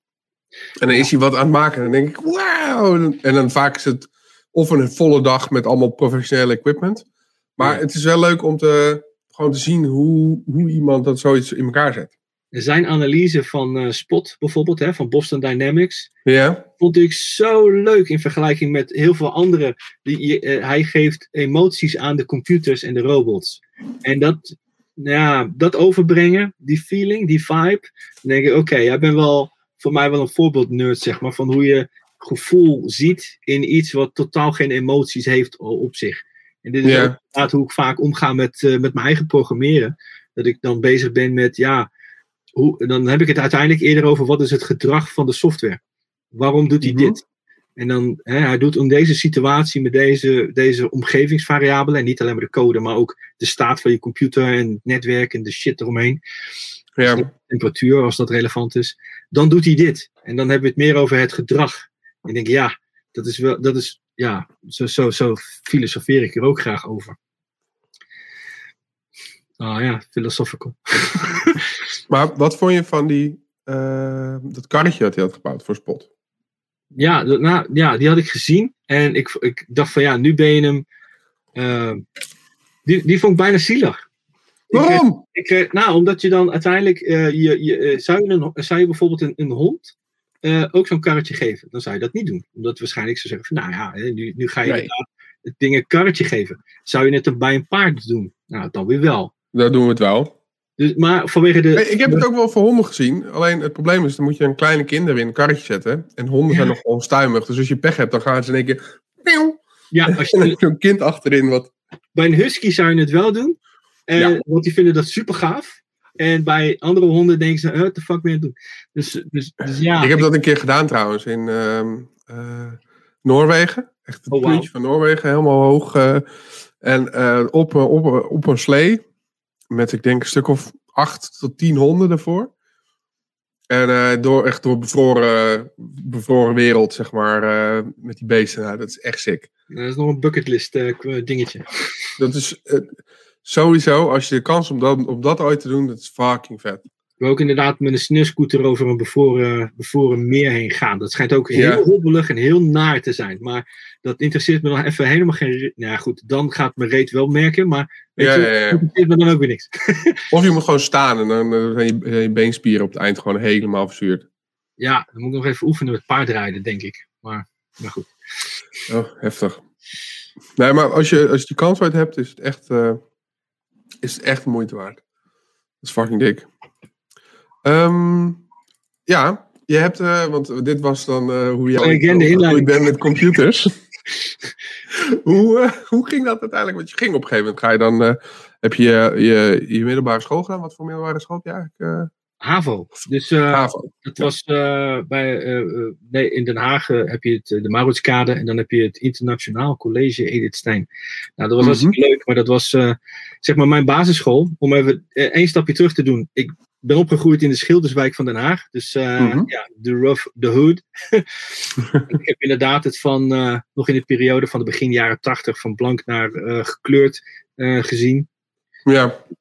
Ja, ik was de enige blanke jongen in de, in de klas op dat moment, eigenlijk van het leerjaar. En dat, dat was dus op de middelbare school net zo goed weet ik veel. Uh, dus, dus ik, ik had eerder de shock daar vlak na toen ik ging studeren. Huh, wat? Nederlanders, hoe werkt dat? waarom heb je niet twintig culturen naast elkaar? En waarom, is ja. het, uh, waarom vieren we niet met z'n allen uiteindelijk het uh, suikerfeest bijvoorbeeld? Dat is toch wel een, best wel een bazig feest, zeg maar. Ja, waar, waar is het eten? Waar is die food? Ja, dus af en toe merk je dat wel een beetje. En dat, ja, dus, dus ja, vanuit de middelbare school ging ik dan in, ging ik naar de hogeschool. Uh, ik heb daar uh, uh, informatica gestudeerd, dus dat was toen vrij nieuw, die opleiding. ze gingen toevallig van het Louis Cuperusplein, dus blijkbaar waren ze de buren, gingen ze net verhuizen naar het Laakgebied met dat grote, nieuw, toen nieuwe gebouw. Toen, zal ik weer even terug. Dat was in 1998. En ja, dat was. Was ik elf. Ja, dat, echt. Maar goed, ik woonde daar in de buurt, dus het was ook wel heel lazy. Hè? Dus uh, waarom ga je niet uitwonen? Nou ja, goed, ik, uh, twee tramhaltes en ik was op school. Ja. Super easy choice. En ja, dat was mijn introductie met uh, nou ja, zowel de NT4-machines in, in een computernetwerk. Ze hadden dan overal zip-drives om, om je werk in op te slaan. Ja. De, de, kneuzen deden er altijd een potlood in. En die dingen zijn heel fragiel, dus dat ging heel snel stuk. Mm -hmm. En uh, ja, dat was mijn allereerste les op een Solaris. Dus dat was uh, Sun Solaris systemen. Die hadden ze daar in een aparte ruimte staan. Meerdere variaties. Sommige die waren echt nasty, waren met zwart-wit. En een heel klein doosje. En dat was echt een mini systeem. Dat deed nauwelijks iets, kon weinig. Zat op het internet, op het netwerk. Dan moest je... Yeah. Ik bedoel, het hele instituut, hè. Oh, informatica heeft zijn eigen internetlijn. In vergelijking met de rest. Wow, wow, wow. Dat was dus uh, 2 Mbit. wow. Niet voor te stellen. Ja, we hebben een eigen uplink. Dat was toen wel dik hoor, 2 Mbit. Dat was echt super gold. Dus we hadden. Dus wow. er werd, werd, ook best wel wat gedownload hier en daar. we hebben ook wat studenten gehad. Uh, uh, uh, hoe heet die gast? Alex, Alexander. Die, die deze laptop open, de kabel in de muur, kabel eruit, kabel erin, hoppakee, internet. En dan zei ja, eerst even mijn, uh, eerst even wat binnenhalen. Ik zei, wat de fuck ga je doen? We gaan werken toch? Ja, ja, wacht even. even kijken of die goed werkt. Ja, sukkel. Dus uh, Dus dat. Ik heb nog die eerste laptop, heb ik nog ergens. Een of andere dikke, vaag merk laptop. Super lomp apparaat. Oh, dik man. Echt fysiek dik. En ja, nu, nu redelijk eh, groen aan de binnenkant. En eh, ja, Windows 2000 eh, was nog 98, daarna Windows 2000. Maar daar heb ik leren programmeren eigenlijk zoals het een beetje hoort. Dus ik heb daar Pascal geleerd en C en SQL. Dat waren de eerste talen waar ik het meeste mee deed. Ja. Ja, ik had blijkbaar wel goed opgelet. Want ik ging dan door die loopbaan heen. En soms heb je, heb je wel eens van die momenten. Dan vraag je je vrienden wel eens voor, voor wat hulp. En het lullige was dat ik eh, ergens een keer een vak niet had gehaald om een parser te schrijven. Ik was te lui, ik had niet opgelet, weet ik veel. Moeilijk. Ja, Studentenleven. ja heel herkenbaar. Ik ging dan uiteindelijk het andere groepje helpen. En voor, omdat hun champion van de groep die aan het programmeren was, die had een bepaald design gemaakt van eh, hoe die parser moest werken en het geheugen gebruiken en alles in C. Dus het was even, eh, vonden ze lastig. Zei, ja, Oscar, onze opdracht, onze praktijkopdracht gaat naar de kloten. Kun je komen helpen? Dus op die woensdagmiddag ben ik daar naartoe gegaan, heb ik dat geregeld, deed die parser het, hadden ze dus een hoog cijfer gehaald. Ja, Toen dacht ik, ja shit, nu moet ik zelf dat vak nog halen. Kut, ik moet nog opnieuw beginnen. En eh, hadden jullie ook toen dat je een praktisch deel had en een gewoon een ouderwets tentamendeel? Ja, dus zes weken, acht weken, wat zou het zijn geweest? Iets van zes weken eh, dat. Dan had je eh praktijk, practicumles, of praktijkles of iets, afhankelijk van het vak. En eh, daarna inderdaad je tentamen. En dat was je semester en toen ging je weer door. En ja, ik heb ook bijvoorbeeld een keer zo'n spelletje gemaakt. Dat heette Bobbeel. Dat, eh, hè, je hebt één neutrale steen in het midden. En dan Ja. een rij van wit eh 5 bij 5. En dan een rijtje wit vijf steentjes en zwart vijf steentjes.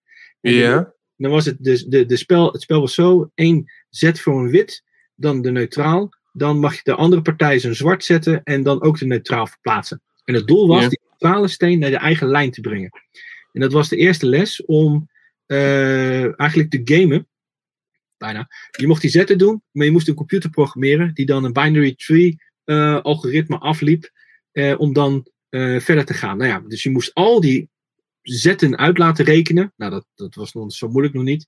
Het probleem was eerder het branch and bound algoritme toepassen, omdat je soms een miljoen opties hebt. En op een Sol- Solaris systeem van die tijd, dat is nog steeds dikke traag. Ja. Dus eh, als je dan branch and bound ging toepassen, toen werd het ineens speelbaar snel. Dus dat ook wel geleerd hoe algoritmes echt wel, echt wel slim kunnen zijn. En gewoon zeggen we, nou, dit is onhaalbaar, fuck off, weg. En. Maar hoe bepaalde je dan dat het onhaalbaar was? Hoe, ik ken dat hele algoritme niet. Ah, je, geeft een soort score. Dus de officiële eh, berekening was eh, een pluspuntje als je een. Als je, nee, je, je had max int als, als score of negatief max int als score. Mhm. Dan had je dus dat bereikt. En je kreeg eh, één punt of tien punten erbij als je een regel eh, had gewonnen in de juiste richting. En dan kon je zeggen van nou, ik heb zoveel eh, punten gescoord. Dus als je nu max int haalt, dus dan ga je al die bomen af. Ik ga al deze z-permutaties ga je af. Als je dan max int hebt gehaald, bam, dit is een winnende zet. Dus dan ga je helemaal terug. Waar ben ik ook alweer gebleven met mijn game? Nou ja, blijkbaar moet je nu naar links met die. en zo loop je door. En branch and bound, dan zeg je, nou ja, ik heb nu hier iets dat, dat je zegt, dit is onhaalbaar. Je gaat zo negatief. Forget it. Als je negatief bent, haal het er maar af. Knip hier. Keuzes. Maar ik had ergens een keer, ik lag op bed en toen dacht ik, wacht even. Iedereen maakt dezelfde game. Dus ik ga het anders doen. Het voorbeeld is met een while loop. Ik doe een for loop. Hè, want iedereen kopieerde mekaars programmeercode om daarna gewoon eh, even snel je cijfer te halen. Dus ik denk, nou. Dus, hij, dus ik had ook mijn code weggegeven aan iemand anders. Ik zeg, let op. De unieke code zit in deze functie. Ik heb een eh, voorbeeld is een while loop. En ik heb een for loop gebruikt. Dan zou je zeggen, dat doet ik, eh, hetzelfde. Maar de docent kon duidelijk zien, jij hebt het niet gekopieerd, jij wel. Ja. En ik had de game zo gemaakt dat hij een strategie meekrijgt. Toen dacht ik, oh, ik moet hem extra punten geven. Eh, want die neutrale steen, als je die in de hoek zet en je, je blokkeert hem, dan, wint het, dan win jij. Als je hem laat blokkeren, dan heb Mhm. je. Want de ander kan geen zet meer maken, game over, you win. Dus de docent, die was altijd bezig met in die hoek zetten en dan winnen. Ja. Dus wat was de strategie nu? Ik, kreeg, ik, geef, ik gaf hem uiteindelijk 10 punten voor een regel winnen.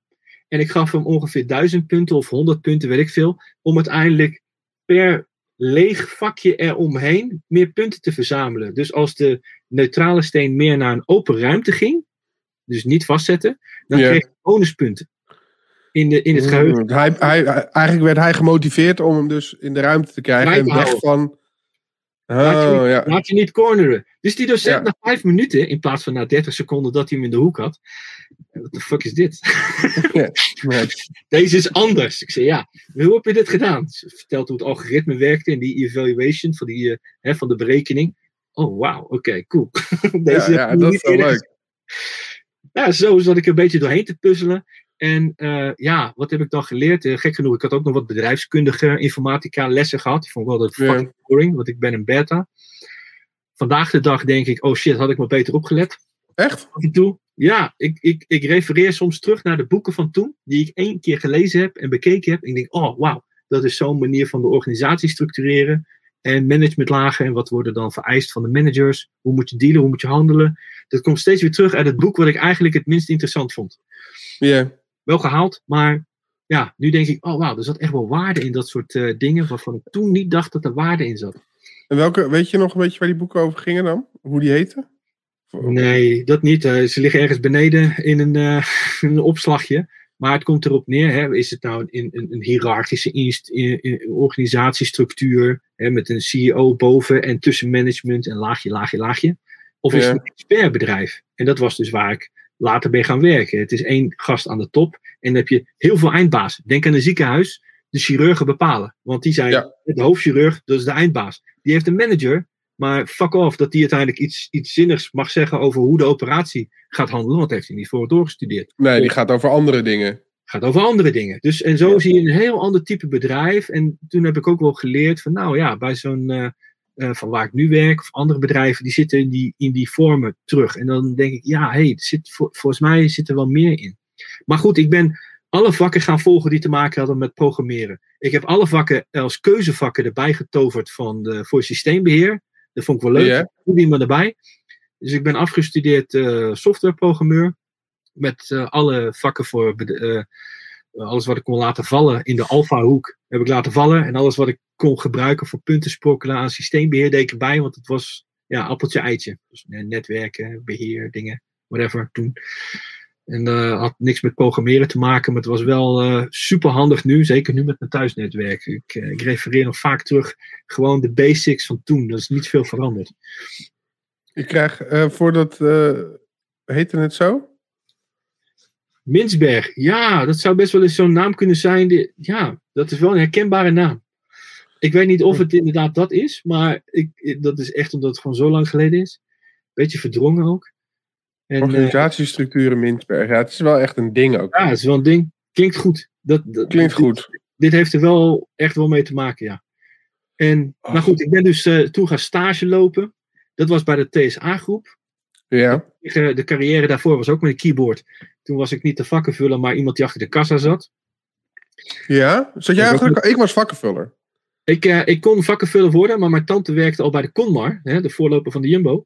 Ja. Eh, zei van nou ja, ik was dan eigenlijk aangenomen, want ja, ik ben niet zo klein, om eigenlijk eh, bij de kassa-afdeling te werken. Want die hadden ook de slijterij als dienst. En in de avond deden ze voor de, met de dames eh cachères deden ze niet, want het zat een beetje om de hoek en een beetje uit zicht van de, van de leiding.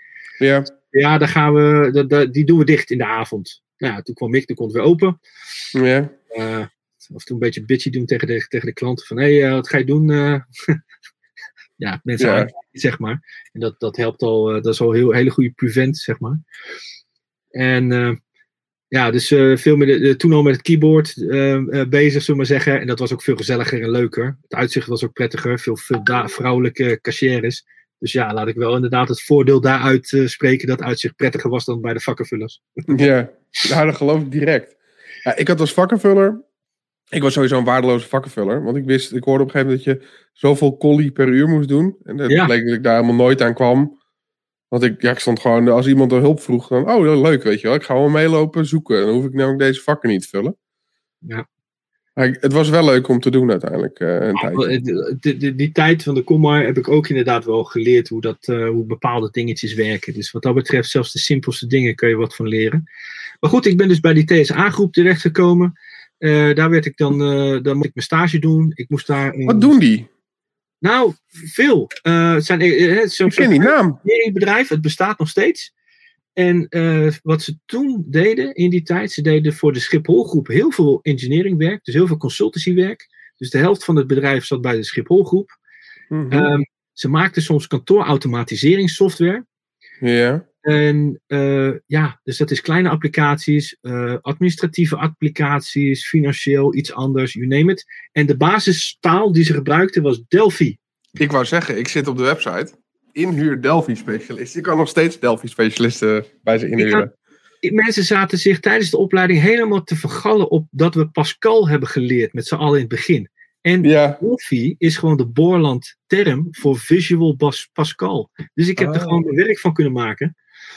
Uh, om met uh, Visual Pascal te gaan werken. Ik heb, als ik af en toe uh, malware reverse, en het is gewoon geschreven in C of, of .NET, .NET is helemaal chill, want dan dot peak dan. Ja. Uh, maar als het dan gewoon geschreven is in C of iets anders, dan is dat te doen. Als het fucking Delphi is. Ja, nasty hè. Oh, en er is, er is gespecialiseerde tool, dat kost geld. Delphi is echt... Uh, dus ik heb altijd gezeik met Delphi. Dus mocht er iemand nog uh, tips hebben hoe je dat goed kan reversen, ja. Uiteindelijk is Pascal. Maar goed, uiteindelijk komt het allemaal wel op dezelfde principles uit. Hè? Je hebt gewoon functies en procedures en zo kun je wel weer door. Zodat je de visual objects en daarachter weer wat doen. Ja, dat is echt wel gaaf. Ik heb nog gekke software gemaakt voor de, in die tijd, of eigenlijk de vlak na de TSA-groep, uh, uh, voor de brandweer. Daar kom ik zo wel even op uit. Maar mm -hmm. die software die ik daar maakte, was, uh, was, uh, was dan T-Safe, T-S-A-F-E, T-Safe. Dat werd gebruikt bij attractieparken om Ja. incidenten te registreren en gevonden voorwerpen te registreren. Maar de magic is, de ene uh, partij die zei, ja, maar ik ga dit uh, gebruiken met een uh, MS Access database, dus heel lokaal op de machine. Ja. Microsoft Jet Engine ben je dan aan het gebruiken. Ja. Old shit. Uh, yes. Sybase, dat is nog steeds actueel. Het is eng eigenlijk dat het nog actueel is. De andere uh, gebruikersgroep die had Sybase als een database. En weer een andere die had Oracle als uh, database. Ja. En dan krijg je de grote problemen. Hè, van, dan heb je een machine met maar 16 MB intern geheugen. En dan moest je soms, uh, ja, dat werkt het allemaal heel snel. En dan laat je ineens al die records in. Dat je, had je met veel pijn en moeite hele oude, platte uh, simpele tables. Dus dat was nog uh, non-relational databases. Dus de Mhm. voorloper van relational databases. Dat is wat ze hadden. En dan moest je nu een relationeel model van maken. Dus ik had het relationeel, relationele model ontwikkeld. De software, de basics, SQL. En dan map dat voor geen meter. Dus je moest allemaal vertalingen doen. Jesus Christ.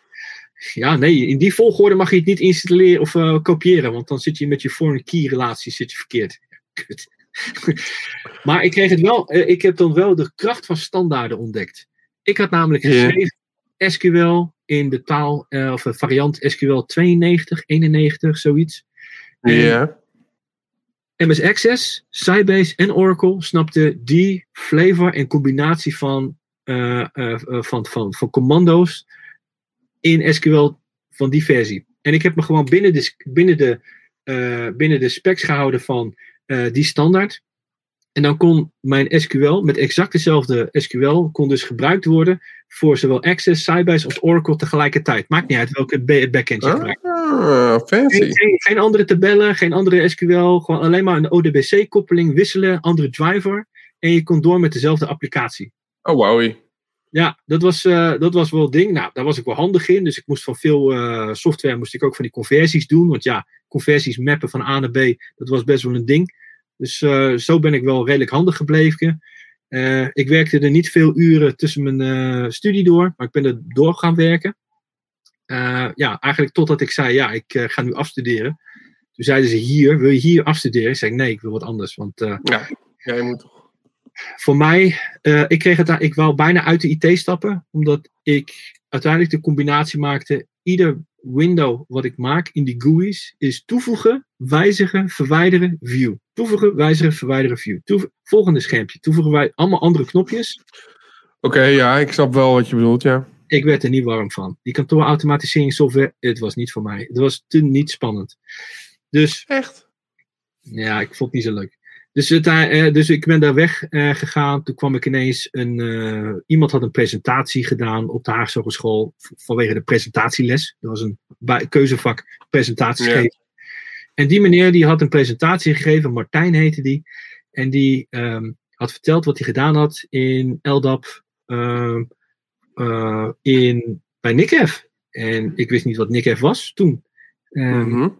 Dus ik ben gaan kijken. Ik denk, oh wauw, dit ziet er wel heel gaaf uit. Uh, wat doet dit? Uh, ik wist er wel iets van, dat het iets met internet deed, maar weet ik veel wat er verder achter zit.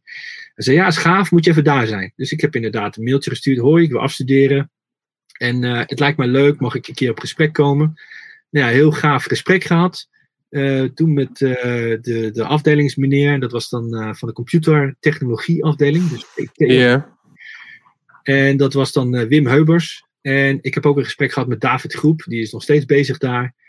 En, uh, en dat, was, uh, ja, dat was mijn leermeester toen. En daar heel veel van mogen leren, van begin tot eind.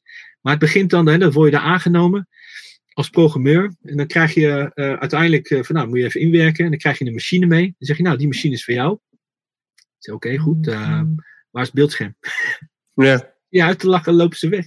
Teringlijns. Hoezo? Hoezo beeldscherm? Je hebt toch hier een desktop, uh, daar staat die machine in het, in het lab. Uh, dit is hoe die heet. Ja. Nou ja, uh, fast, zeg maar snel leren om te leren programmeren op die machine een stukje verderop. Geen beeldscherm ja. hebben. dat ding ook beheren. Want ik werd dan ook gelijk, hier is rootwachtwoord, go figure it out. -hmm. En dan, ja, dat is uiteindelijk hoe je dan gaat ontwikkelen. En zo ben ik software gaan schrijven. En die uh, software, dat was LC Maps, Local Credential Mapping System. Dat was een uh, C-library die we zelf ontwikkeld hadden. Een, yeah. een pluggable framework. We hadden goed gekeken naar hoe PAM in Linux werkte. Nou goed. Yeah. En dan, dan kan je af en toe gewoon een, een nieuwe plugin installeren. En het framework, als je dan zegt, ga daar kijken. Dan gaat hij zo'n shared object laden. En afhankelijk van wat hij moet doen, had hij vier basisfuncties. Hè, initialiseer die, die, die plugin. Initialiseer of uh, haal data naar binnen. Introspectiefunctie heette dat. Jezus, komt ineens terug in, naar mijn hoofd. Run functie, van nu moet je inderdaad dingen doen. En daarna einde ruim op. Nou, en wat deed het dan? Wat hij dan deed was, uh, ja, dat, dat, is een beetje een stukje van hoe werkte nou die, die global grid infrastructure. Want waar ik voor was dus uh, het grotere project van de Large Hadron Collider en de dataverwerking. Ja. Dus, dus ja, enter NICHEF uh, uh, era. Dus uh, waar ik voor verantwoordelijk was, blijkbaar, was dus de combinatie. Oké, okay, een onderzoeker krijgt een persoonlijk PKI-certificaat. Ja.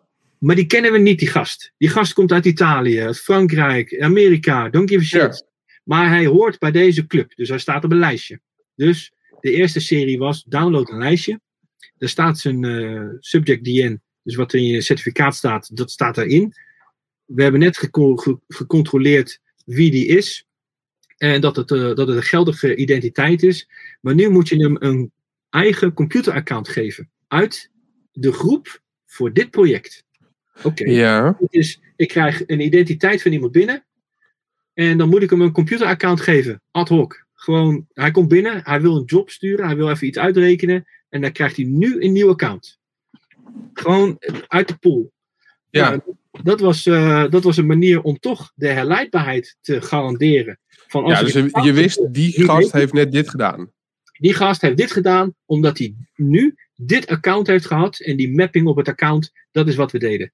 Next step was dat we niet meer lijstjes deden, maar signed attributes toevoegde aan die interactie. Dus uh, je kon ergens naar een uh, virtuele organisatieserver toe. Mm. En dan kon je dus een signed attribute ophalen. Klinkt een beetje als JWT. Maar hè, dus dan, dan krijg je dus een signed bericht terug. En die kon je dan meesturen uh, met je connectie in je SSL handshake. En uit die SSL handshake konden we dus de client certificate halen. ja, iets wat we niet gebruiken is een proxy certificate. Dus die standards over PKI gaan nog veel verder dan wat we weten. En daar zaten nog extra signed attributes uit. En die vertelden met een digitale handtekening. Jij werkt is... voor de groep Atlas. Dus je ja. krijgt die club Atlas. En als je gemapt was op die groep Atlas, dan kreeg je in de compute cluster omgeving ook naar rato van hoeveel eh, CPU-tijd zij mogen gebruiken, krijg je ook dat gescheduled. Wat je kreeg. Mm. Hè? Dus zie daar de wereld van PKI gekoppeld aan Unix. Nou, dus ik moest even in sneltreinvaart binnen de grenzen van mijn afstudeertijd leren hoe PKI werkte. Frameworks, hoe een PAM-framework werkte, hoe dynamic loading werkte in C, eh, want alles was in C geschreven, eh, extensions in OpenSSL eh, maken en bijhouden en dat gebruiken. En als er een beperking was, daaromheen schrijven in OpenSSL. Dat was echt, dat was wel spannend. Ehm, ja, wat hebben we, en dan ja, hoe, je, hoe je kernel eigenlijk omgaat met, met privileges. Dat was ook wel een dingetje. Dus die hele trits, ja. Als, Maar als- dat is heel anders dan wat je hiervoor zat te doen. Dan, dan is het best interessant werk, zeg maar. Dat is echt denkwerk. Ik moest dat, ja, en je had niks. Dus er was ook geen referentie of zoiets. Hè? Er was ook geen voorbeeldcode. Ja, eh, de manual. Dus ik heb inderdaad eh, leren waarderen als iemand typt man 2, man 3. En wat dat betekent op de command line. En dat je een, een functie in C opzoekt. Die menu, manpages die zijn gold. Kan ik iedereen aanraden. Die manpages die waarvan iedereen denkt, ga naar Wikipedia of iets anders opzoeken. No fucking way. Zelfs de, eh, zelfs de verschillen tussen deze functie komt uit GNU. En deze functie komt uit een BSD-oorsprong op je Linux-systeem, of het is een pure Linux-variant. Het staat Ja. uitgeschreven wat de verschillen zijn. Niemand het meer tegenwoordig. Maar manpages zijn echt gold. Heel erg geleerd. Dus, en zo, zo leer je dan langzamerhand hoe dat ecosysteem werkt. En dan ga je, eh, daarna maak je de next step over mass storage eh, oplossingen. En daar ook weer over nadenken. En dynamische firewalls die op dezelfde autorisatietechnieken werken. En zo ga je steeds, leer je steeds meer dingetjes. En ja, eh, tien jaar lang door Europa heen gereisd. Veel op CERN geweest. Dus ik, vond altijd wel, ik was er altijd wel trots op. Zwitserland, toch? Ja, dus uh. En die mail die werd dan geforward naar mijn Nikef uh, mailbox. Want ja, dat is Cool. liever lui dan moe. Dus uh, ja, vaak op het computercenter geweest daar. Om uh, mijn software te installeren. Um, dat, zo ging dat vroeger wel eens. Dus dan maakte hij een reisje met de bus. De bus heette dan EasyJet. en dan in een uur tijd. En je kwam altijd collega's tegen. Want in die internationale werkgroepen. Ja, je werkt met naar 150 landen uiteindelijk in allerlei projecten samen. Yeah. Uh, voor waar ik dan voor werkte, dat was dan iets van 80 landen uh, die samenwerkten. En de compute cluster capaciteiten, want dat was het. Hè? Iedereen had een compute cluster op een locatie staan, maar dat was veel te klein. We wisten dat we petabytes per jaar moesten verhandelen. Meerdere keren per jaar. Yeah. Dus uh, we wisten al dat we richting de 1 tot 10 petabyte per jaar er doorheen moesten jagen. En dat het niet paste op, de, op één campus. Uh, ook niet bij CERN in het grote computecenter. Dus we waren het aan het verdelen. Dus er komt heel veel uh, data uit en die hele verdeling gebeurde. En dat is waar we dan uh, daar, daarvan zeiden van ja, maar dat moet ook goed beveiligd worden. En NICHEF was dan het instituut wat high performance networking als uh, capability had. En secure, en alles wat te maken had met security. Dus de, de, er is een heel certificaten-ecosysteem, dat bestaat ook nog steeds. Dat ieder land zijn eigen hoofd CA heeft, zeg maar. En daaruit alle onderzoekers voor allerlei wetenschappen dus een certificaat kan geven of de machines. En dat je in dit soort supercomputers, superclusters uh, of uh, grid computing, dat je daarmee herkend kan worden. En dat je daarmee. En dan kun je jobs uh, starten. Kun je je job starten, inderdaad. ja. Vet. Uiteraard ook wel een keer stout mee geweest. ik had later waarschijnlijk mijn account. Als het twee jaar later was gebeurd, had ik mijn account kwijtgeraakt, waarschijnlijk. Ja. Ik had, ja, ik, was, ik had ook folding at home en dat soort dingen ontdekt. Dus, dus, Niet. Dus hoe kwam ik nou aan de vele punten? Ik had dan bijvoorbeeld een job ingestuurd en dan zeg ik, nou, doe maar een background job, maar dan op het computecluster, dus een beetje beefy machines. En, uh, maar dan ook in Italië bijvoorbeeld, uh, in het uh, Versneller Instituut van, van Italië gedaan. Ja. Zei van, ja, doe maar niet, want dat is niet oké. Okay. Maar ik had dus wel ontdekt hoe je de jobscheduler en het management van het systeem kon bypassen en eruit kon springen. Ja. Daar gewoon iets achterlaten. Zeg, nou, het is wel een goede les geweest, want ja, dit is hoe botnets ook werken. Ja. En dat is uh, wat ik daar heb mogen meemaken. Dus, uh, je veel kon er gewoon blijven draaien, zeg maar, op de achtergrond. Uh... Ja, en ze hadden het Was er gewoon door... nieuw proces starten? Of hoe... Eigenlijk Weet je gewoon, je, moet, je moet hem eigenlijk gewoon naar de background trappen. En dan, maar dan met een script ertussen. Dus als je, ja. ja, is gelijk, voor de mensen die inderdaad botnet schrijven, opletten. Uh, dus je moet uh, een script maken, die, de, daar, daar spawn je uiteindelijk een volgende uit. En daaronder kun je dan je code uh, laden. En als je de tussenliggende weghaalt. Ja, dan, dan is er geen relatie meer. Dan, heeft, dan is hij de relatie kwijt. Als je het heel goed doet met de configuratie van je job scheduler, dan kan je hem nog wat terugvinden via de groups. En tegenwoordig heb je C-groups. dus diezelfde vlag gaat, als het goed is, niet meer op tegenwoordig. Uh, omdat iedereen gewend is om met Docker-achtige containers te werken. Dit is nog van de tijd voordat Docker en containers bestonden. Uh, BSD had toen jails. Uh, maar goed, we gebruikten overal Linux, dus niemand had jails. En dan kon je dus eruit escapen. Omdat het gedrag van Linux is altijd, als ik niet meer weet wat mijn parent is, dan is mijn parent sp spontaan pit 1.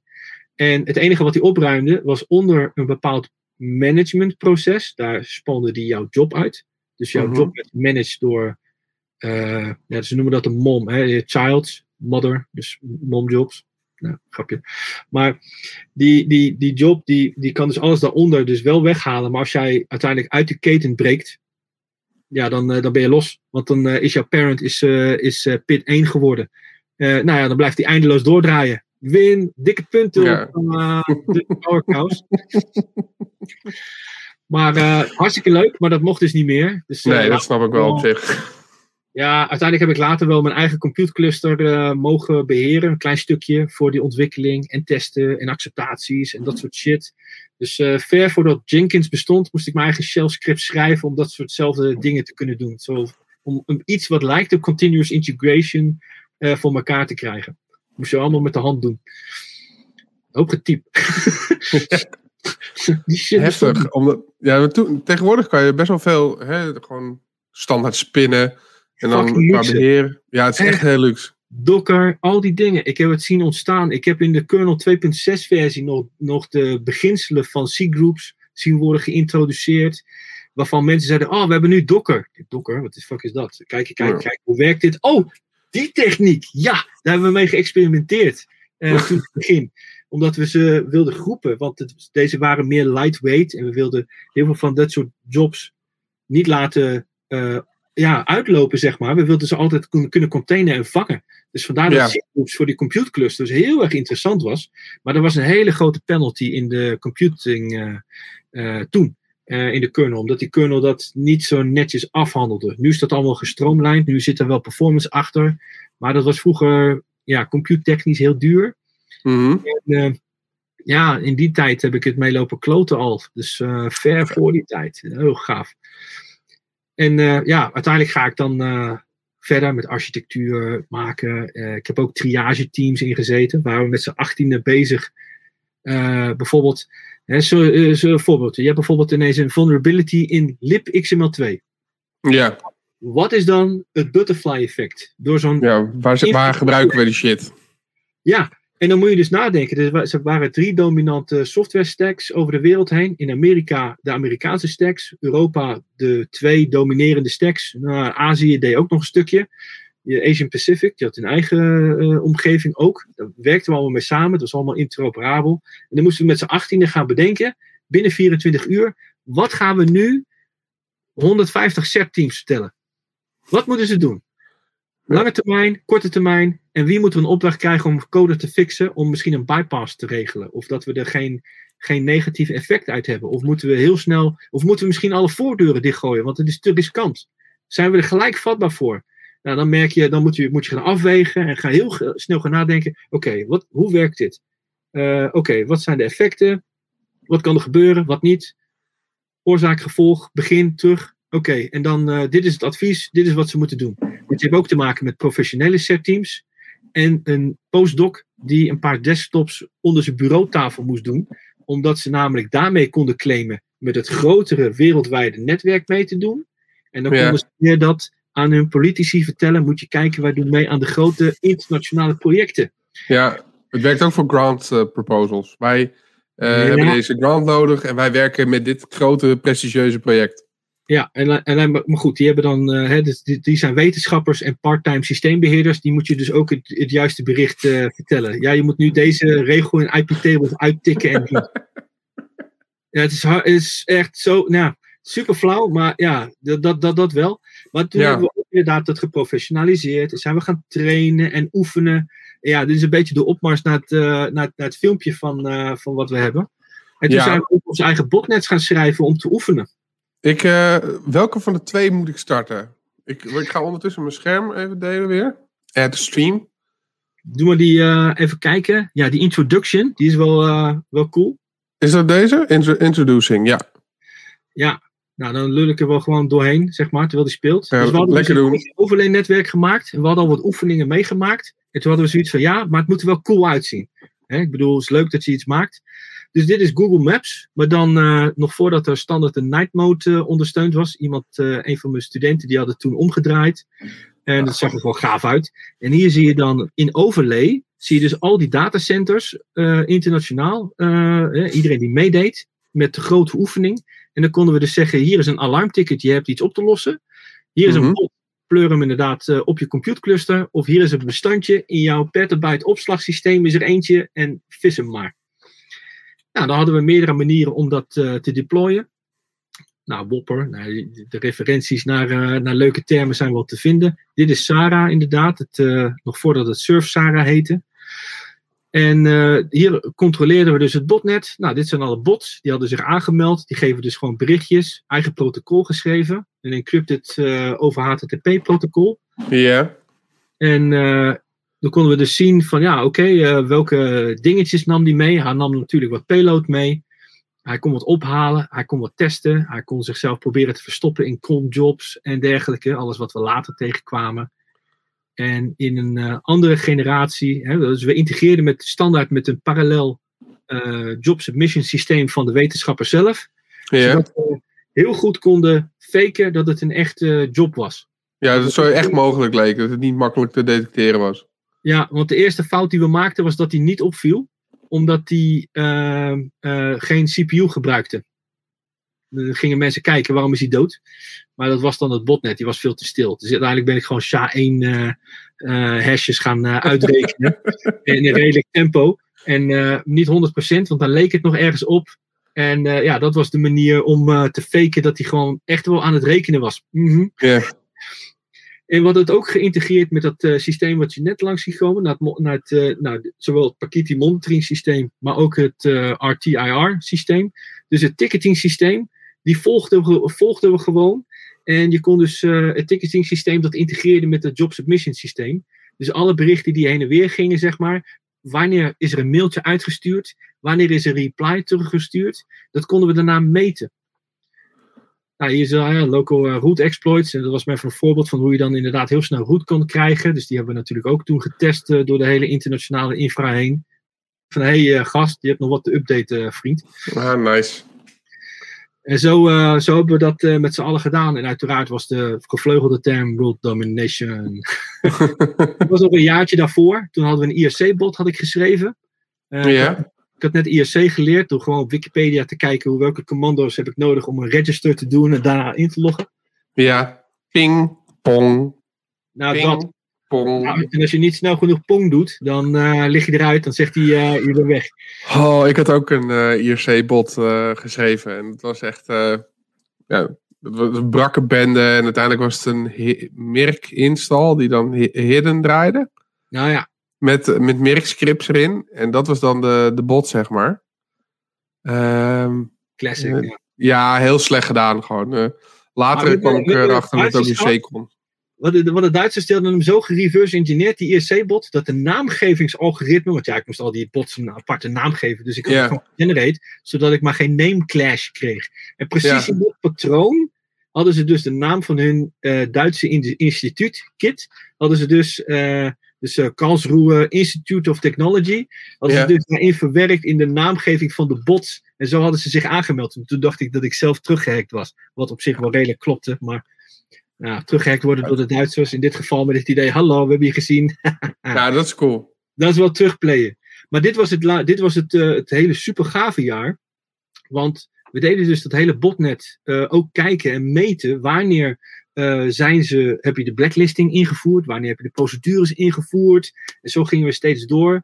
En we vertelden bijvoorbeeld niet aan het Nationaal Crisiscentrum van bijvoorbeeld Frankrijk of Tsjechië dat, die, dat de training echt gestart was. We hadden alleen maar de bots uh, gedeployed door heel dat land heen. Ja. Maar dan alleen maar een paar instituten de eerste initial berichtgeving gegeven. Je kreeg alleen maar twee berichten. Eén, dit is het IP-adres uh, van in dit geval de command and control server. Dus de 2C-server IP-adres kreeg je. En het IP-adres van ja, whatever jouw edge is. En sommige van die machines van het cluster hadden ieder een eigen publiek IP-adres. En soms had iemand een NAT-box er groot voor staan. Ja. En dan moet je maar heel snel die logging uh, van je NAT over om van buiten naar binnen te kunnen redeneren. Van het is deze machine. Ja. Maar zie daar de waarde van logretentie. Ja, en niet alleen het hebben van logs, maar ook de mogelijkheid om het gewoon te kunnen doorzoeken. Want ik zie zo vaak dat gewoon, ja, we hebben, we hebben deze bak aan administratie. Oké, en hoe vind ik erin? Nou, dan uh, gaan we vier dagen zoeken met z'n allen. Ja, dat is kansloos. Dan voor die tijd ben je helemaal kapot uh, gehackt. Doe maar een andere filmpje, die is ook wel, uh, die is wel leuk, want dan gaan we door die hele run heen van wat gebeurt er dan allemaal.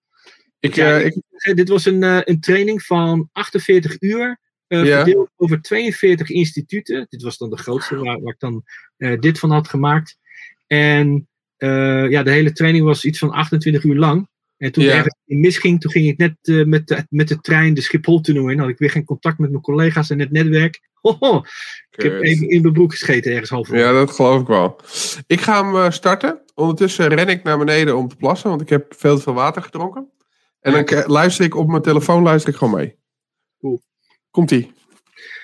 Nou, hier heb je dan die, die hele challenge. Dus wat er dan uh, gebeurd was, we gaan dan eerst uh, allemaal bots uiteindelijk daar deployen. Dit is allemaal, alle events waren getimestamped. Dus dit, daarom konden we het replayen en opnemen. Bovenin zie je de metertjes hoe ver je was. Onderin zie je de chat channel die uiteindelijk meeliep, synchroon aan alle gebeurtenissen. En konden we overal die bots deployen. Nou, als eerste konden we dus zien in het ticketing systeem van we hebben een alert gestuurd, site nummer uh, 26, allemaal geanonimiseerd uh, voor de video. En die moesten dan binnen de vastgestelde tijd reageren, want dat hadden we afgesproken met z'n allen. Binnen vier uur reactie als er een chatbericht uh, komt vanuit het centrale zenuwcentrum. Nou, wat we deden was continu, maar inderdaad flooding. Dus we deden alle sites, iedereen die meedeed, steeds meer bots deployen. Om maar grote dingen te doen. En soms heb je ineens sukkels die, uh, nou sukkels eigenlijk zeer inventieve mensen, die ineens onze command and control server uh, kapot maakten. Die had namelijk de bot zo geanalyseerd dat hij zei in het Russisch, want dat was een Rus, van hey, I think you used uh, shared code here, huh? Dus ik had een fout in de JSON parser gemaakt. En die fout in de JSON parser had hij dus uiteindelijk uitgebuit en had hij dus een half berichtje teruggestuurd naar mijn control server die crashte. Fucker. Maar goed, hij gevraagd. Ja, nice. Ja, kun je even stoppen, zeg maar, want uh, de oefening gaat een beetje naar de kloten. Nou ja, goed, dat soort dingen. Maar uh, uiteindelijk uh, krijg je dan, zie je dan mee in de chat, die dan synchroon, synchroon loopt. van ja, hey, we hebben dit gevonden, dit zijn de IP-adressen. in Tsjechië hadden ze zelfs nog Netflow op het Nationale Research Netwerk. Die hadden dan heel veel informatie erbij gehaald. Zie daar ineens ja. de kracht van een instituut die blijkbaar iets su super gaafs heeft om te analyseren. De ene die kon uh, de bots helemaal uit elkaar halen en binary exploitation terugdoen. Ja. En de andere die had uh, uh, heel veel netwerk analyse capabilities om te zien hoe die nou reageert op het netwerk. En hoe je dan IOC's kon maken. Nou, en, Maar zo konden ze ook wat van elkaar leren. ja, en dat was ook, dat is eigenlijk wel de secret achter de schermen natuurlijk. Wie heeft nou welke capabilities? En uiteindelijk worden, worden al die bots in de ban gedaan dat ze niet meer naar binnen mogen. Want we hadden natuurlijk een identiteit van een wetenschapper uh, gekaapt. In dit geval Graham. Zijn, uh, zijn fake identity was gekaapt. Die kon dus allemaal jobs insturen. Nou, dat moest je stoppen bij de voordeur. Hè, net als alle andere klassieke momenten van stop, dat, stop het begin. Dan, dan, daarna dooft hij uit. We moesten met z'n allen berichtgevingen sturen. En de, de, de magic is, ja, hoe zorg je er nou voor dat van al deze sites, hè, dat deden uit op de top 550 datacenters deden in die ene collaboratie allemaal mee. Dat is best wel veel. Nou, als we allemaal een, ma- één mailtje gaan sturen naar één dude in Europa. Nou, die, wordt, die wordt gededost in zijn inbox. Hij moet dan waarschijnlijk iedereen nog een berichtje terugsturen. En dan nog een keer krijg je een ontvangst. En als mensen het niet snappen, altijd het geval, moet je ze managen. Nou, dikke shit. Dus het is ook het leren omgaan met een complexe casus. En dan omgaan met wie moet ik communiceren. Wat moeten ze weten? Wat moeten zij naar centraal coördineren? En dan weer helemaal terug. Zeker omdat we eigenaren hadden van de infrastructuur. En Atlas is een van die Large Hadron Collider experimenten. Mhm. En dus je moet ook nog eens een keertje met een van die projecten samen gaan werken, die hun eigen projectsoftware ook moeten beheren. Want dat is ook infrastructuur op zichzelf. Op zichzelf. En daarna gaan al die bots eruit.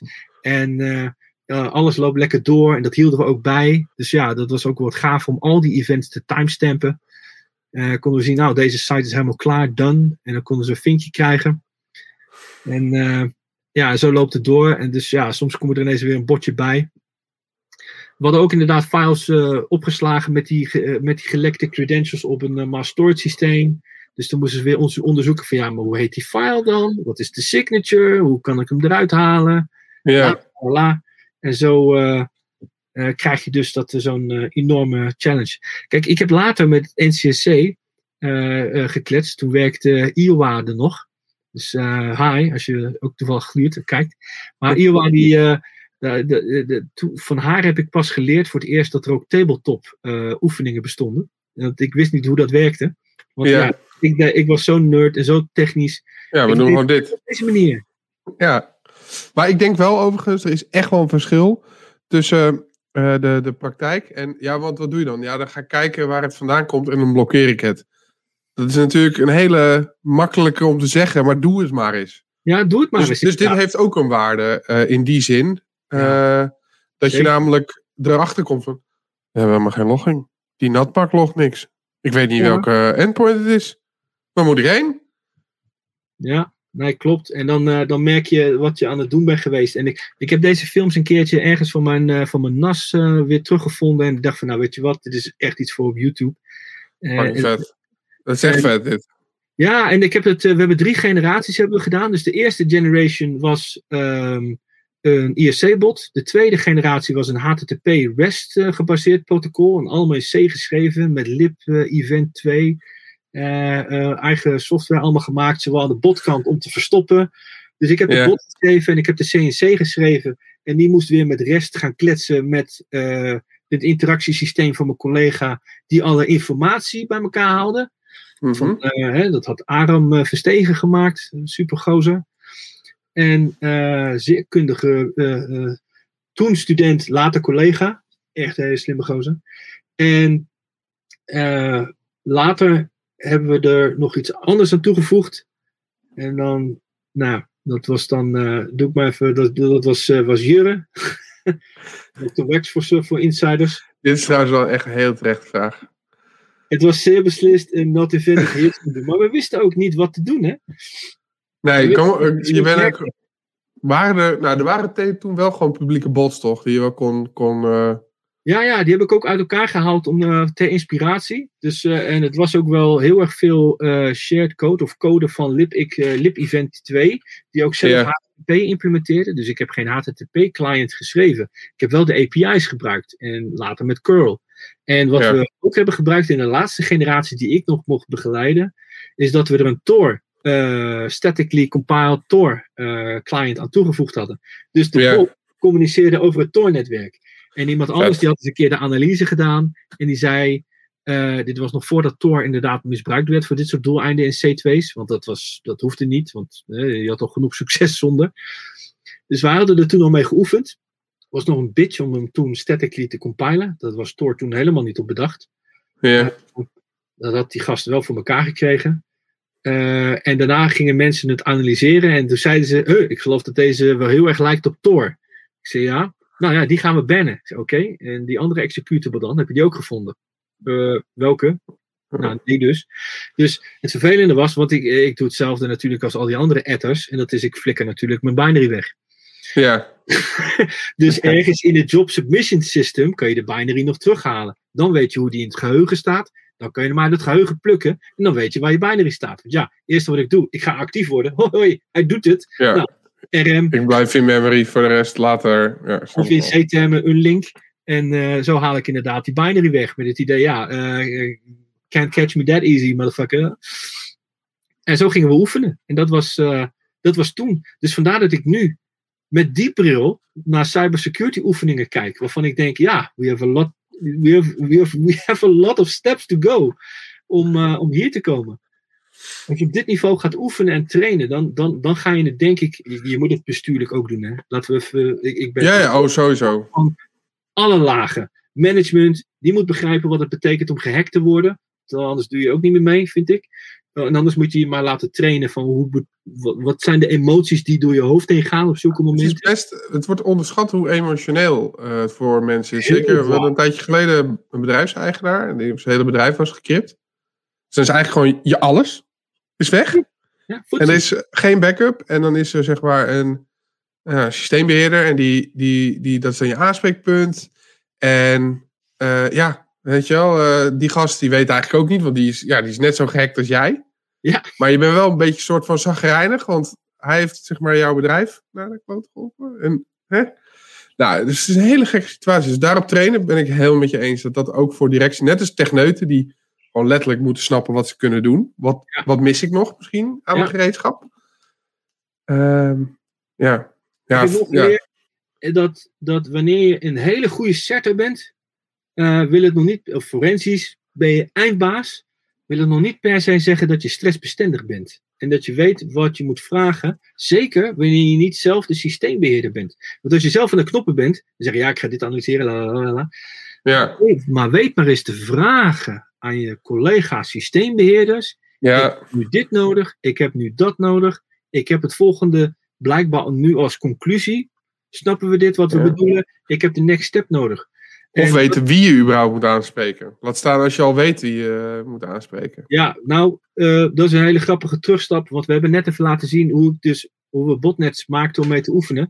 Maar de allereerste training van het allereerste jaar dat we met die, dat we met die SSC-trainings eh, bezig zijn geweest, allereerste jaar, was: klopt het e-mailadres? En heb je ge- ge- gereageerd binnen de vastgestelde tijd van vier uur? Klaar, Ja. oefening. Oefening enige oefening. Ja, ja. Ben je bereikbaar? Werkt je e-mailadres? Reageer je wel op tijd volgens de planning? ja. En daarna waren we een jaar verder. Toen pas gingen we training nummer 2 twee doen. Want zo belangrijk was het. Ja, dat is dan ook, dit haakt hier gelijk goed op in, deze vraag. Wat is je advies om op Jip Janneke niveau te beginnen met dit soort oefeningen? Hoe Ja, zou je dat doen als je nu een bedrijf... eh, Nou, ik heb eh, eh, eh, op zich een hele mooie eh, training laatst mee. Ik moet zeggen, die staat op LinkedIn. Eh, misschien moeten we hem even. eh, ik weet niet of je hem kan vinden. ik Maar kan het, erbij, eh, ja zeg maar wat ik moet zoeken. het, eh, het NCSC, eh, de publicaties van het NCSC op, op LinkedIn. Die hebben een Mhm. verwijzing gemaakt naar eh Isidor en de veiligheidsregio en wat zij gedaan hebben. En onderaan die post van het NCSC, van wat het NCSC gedaan heeft, staat een linkje naar de, eh, naar het- de video van Isidor. En dan het tweede of derde onderwerp is de veiligheidsregio van Gelderland, Oost-Gelderland of zo, Gelderland-Oost. Het, zit, het is de veiligheidsregio van de gemeente Lochem en, eh, eh, en eh, Hof van Twente. Het is, het is bijna grappig dat het toevallig dezelfde veiligheidsregio betreft drie keer. Maar die meneer die vertelt ook inderdaad wat is er nou nodig en hoe moet je nou beginnen. En uiteindelijk komt het erop neer, je moet in ieder geval beginnen met vertrouwen houden in de systeembeheerders die je hebt, want die weten hoe het eruit ziet. Hè? Die weten wat ze gemaakt hebben. Die weten op zijn minst meer dan die, dan die consultant die je net hebt naar binnen getoverd. Daarna moet je het respect blijven houden voor elkaar tijdens een crisis als het misgaat. En je moet de telefoonnummers hebben. Even kijken. eh, ik heb hier eh, die post over Isidor. Staat voor de Eh, deur, Kees Verkade, landelijke projectleider. blok- Nee, iets, daar, iets daaronder dan. Eh, even kijken. NCTV. Nee, nee, ook niet. Eh, even kijken. Bedrijven moeten plaatsen in de IT-producten. Nee, ook niet. Nee, ook niet. Er maar. zat- er zat geen filmpje bij. Hmm. Eh, is er soms een nee, ook niet. Het, het was echt een, eh, een beschrijving, volgens mij daaronder ook nog. Eh, nee, deze mezelf. Eh, even kijken. Jeetje, ze publiceren een hoop. Dat doen ze goed. Is daar. dat zo? Ja, dat is een week. Ja, een week. Nou, een media, de relatie dingetje doet goed. Ja, er zit daar gewoon iemand eh, die heeft dit als job. Oh, ah, even kijken hier. Eh, NCC kwam in actie bij de veili- veiligheids. Dit is hem. Helemaal. Kijk, hier beschrijven ze echt heel gaaf wat het NCC doet. Kudos voor de mensen die kijken. Good work. Video. Ja, bekijk de video. eh, aanloop van de Isidor training. Dit Vimeo. Video. Dit- is dit het ding wat mensen moeten checken? Dit is de video die je moet checken. Eh, daar staat het verhaal van de veiligheidsregio. Ik vind dat ze ze allemaal even moeten kijken. Maar vooral die veiligheidsregio, die was echt eh, eh, vol, al vol met lessen. Wat moet je doen als je geen flauw idee hebt hoe te beginnen? Even kijken, dat was de defensie meneer. Dus ik weet niet of die nou daarna... Nee. Nou, ze zeggen zelf. Doe, voor de show notes. Dus echt, eh, zoek hem op. Er staat ook een tijdscode in dat eh, item. Ja, daar was ik dus net letterlijk naar op zoek. Maar ik heb gewoon niet goed gekeken. Ik dacht dat het 1 minuut 33 was. Ja, 1 Ja. 33 12. 1 uur. Ja. drie- Ja, ja, zo 1 uur. Ja, minuut. Tijdseenheden, bla bla bla bla bla. Ja, Eh, kijk, zo, 1 uur 33 daar ergens. 12. 18 heb ik erop geklikt. Nu missen we het. Kiek hem! Die gast. Allemaal Eh, sterretjes. eh, Hij was van de veiligheidsregio. van die veiligheidsregio. Eh Diemar Kransen, zeg ik even uit mijn hoofd. Maar die dude, daar moeten we. eh, ja, niet hij, maar hij. Dus meneer met de sterretjes en streepjes. Die had geen ervaring met cybersecurity crisiskwesties. Maar die begon heel methodisch. Een beetje zoals die een, eh, een brand of een andere crisis in de regio aanpakte. eh, begon Ja. heel systematisch eh, op een whiteboard op te schrijven. Wat weet ik wel, wat weet ik niet? Wat doet het wel, Ja. wat doet het niet?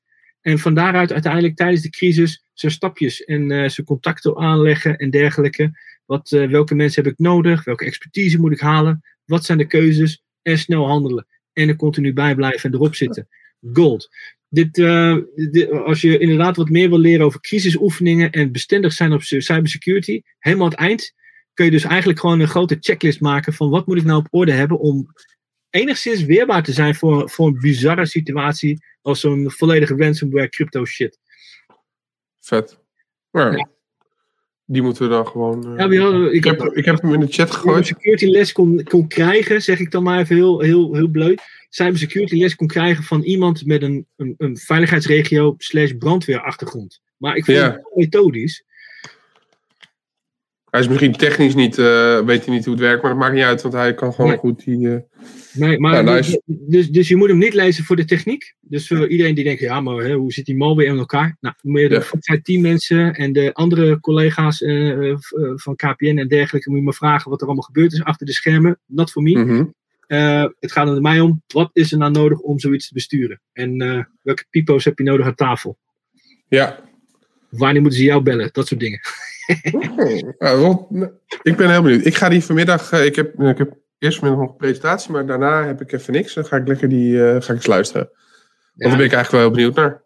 ja, ik vond hem zo leuk. Nou goed, anyway. Dus eh, daar ben ik enthousiast over geweest. En ja, jezus. Dus, maar goed, ja, ik ben een beetje loopbaan voortzettend. Eh, ik heb dus al die dingen bij het NCSC gedaan. En op een, of NCSC hoor mij, bij het NIC gedaan. Uh, Ja. Toen het NCSC ook ontdekt, uh, toen in de begintijd. Ja. Met die responsible disclosures, want ja, dat deed ik ook steeds vaker. En uh, een van die latere dingetjes die ik nog gedaan heb, was die sluizen en gemalen shit ontdekken. Een aantal ontdekken. Ja. Dat gedaan. Dus ja, dat, nou, ik weet niet of ik het filmpje moet laten zien, maar ik weet niet, ik kan ik het delen. Ja hoor, je kan delen denk ik. Je kan, je, kan uh, je scherm toevoegen beneden. Oh ja, ik kan ook een videofile doen. Nou, dat maakt, nou, maakt niet uit. Maar share screen. Nou, even kijken. Wel even groot zetten. Dan zie je de rest. ik, weet, ik weet even niet of het geluid goed komt. Dus moet je me even vertellen of het goed uh, gaat. Share screen. Let's see. Tuurlijk geef ik je alle rechten om mijn scherm te delen. Uh, doe mij maar. Ik hoop dat het goed gaat. Dat hij niet mijn verkeerde scherm deelt. Nou, niet dat het zo dramatisch is. Even kijken. Hoppa, zie je dit? Zie je het zwart scherm? Nog niet, uh, maar ik kan, ik kan add to screen. Uh, stream kan ik nu doen, als je wil. Oh ja, ja.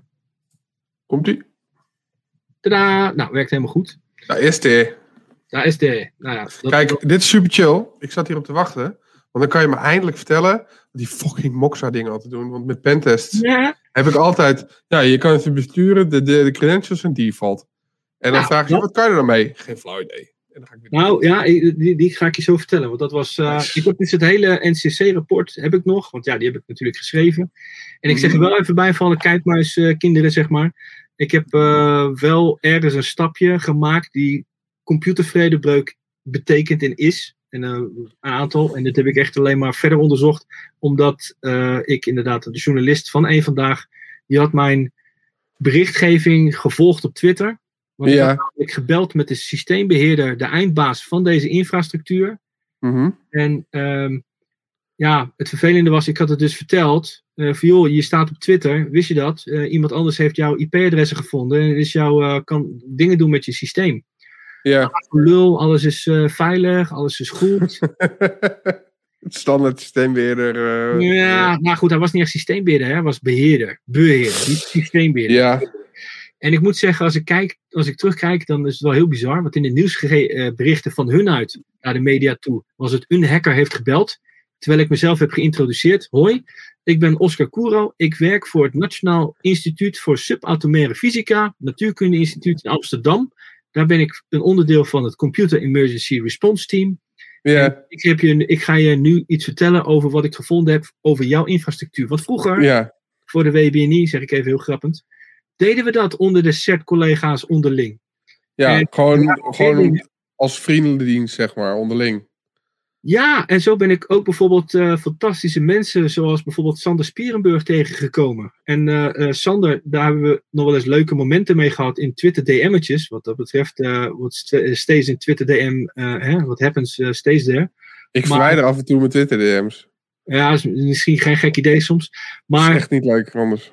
Ja, maar ik heb daar, we hebben dan wel eens vondsten gevonden, openbaringen van mensen, en daarna een beetje lopen delen. Ja, ik zie hem al elkaar reageren. Ja, Sander, Kijk, hij is er ook. awesome, leuk. Maar goed, met, met hem eh, eh, waren er echt wel gave momenten achter de schermen dat, dat hij dan werkte voor, eh, voor het SOC. aan de KPN-kant, als ik me niet vergis. Ja, dat was, nog, was toen nog. En ik was natuurlijk, zat aan de ac- academische kant. Dus als we nou iets vonden in de academische wereld, dan handelde ik het af. Want ja, ze kenden me daar.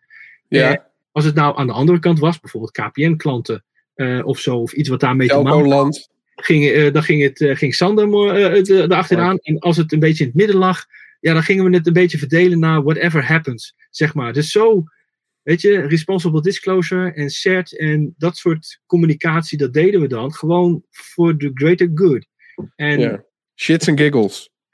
ook wel shits en giggles, maar het is ook wel, ja, ja ze stiekem de, de shit redden. Maar een van de dingetjes was dus eh, dit, deze hele openbaring. En dan ga ik één slide even verder naar die ene dude Antisec, die ook nog Oh, steeds ja. op Twitter bezig is. Die had ze gevonden, al dit soort apparaten, via Shodan en dergelijke. Dat was toen net nieuw. Ja.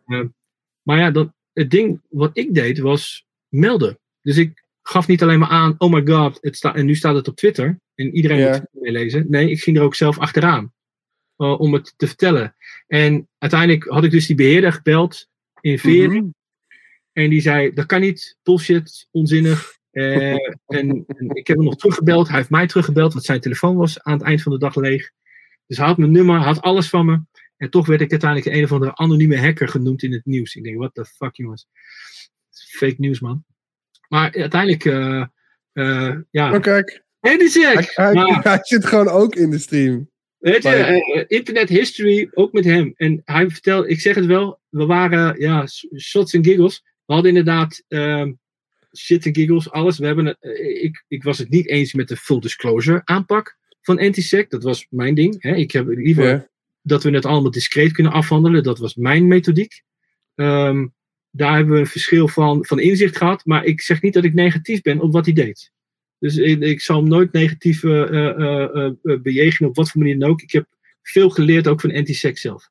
Maar Nice. het heeft wel het journaal gehaald, zeg maar. Want ja, iemand zei, ik zei van ja, maar die gast snapt niet wat het is en hij heeft opgehangen. Dat had ik getwitterd. Nou, het was niet echt een gezellig gesprek. Ja, toen kwam die journalist, wil je er verder over praten. En ja, Ja. dit, Het blijft kinderlijk eenvoudig om van achter je eigen computer een hele polder onder water te zetten. Sluizen, gemalen en pompen, maar ook slagbomen in tunnels en elektriciteitscentrales kun je op afstand bedienen via internet. Ze zijn nauwelijks beveiligd en wij stelden zelf vast dat het heel makkelijk is om erin te breken.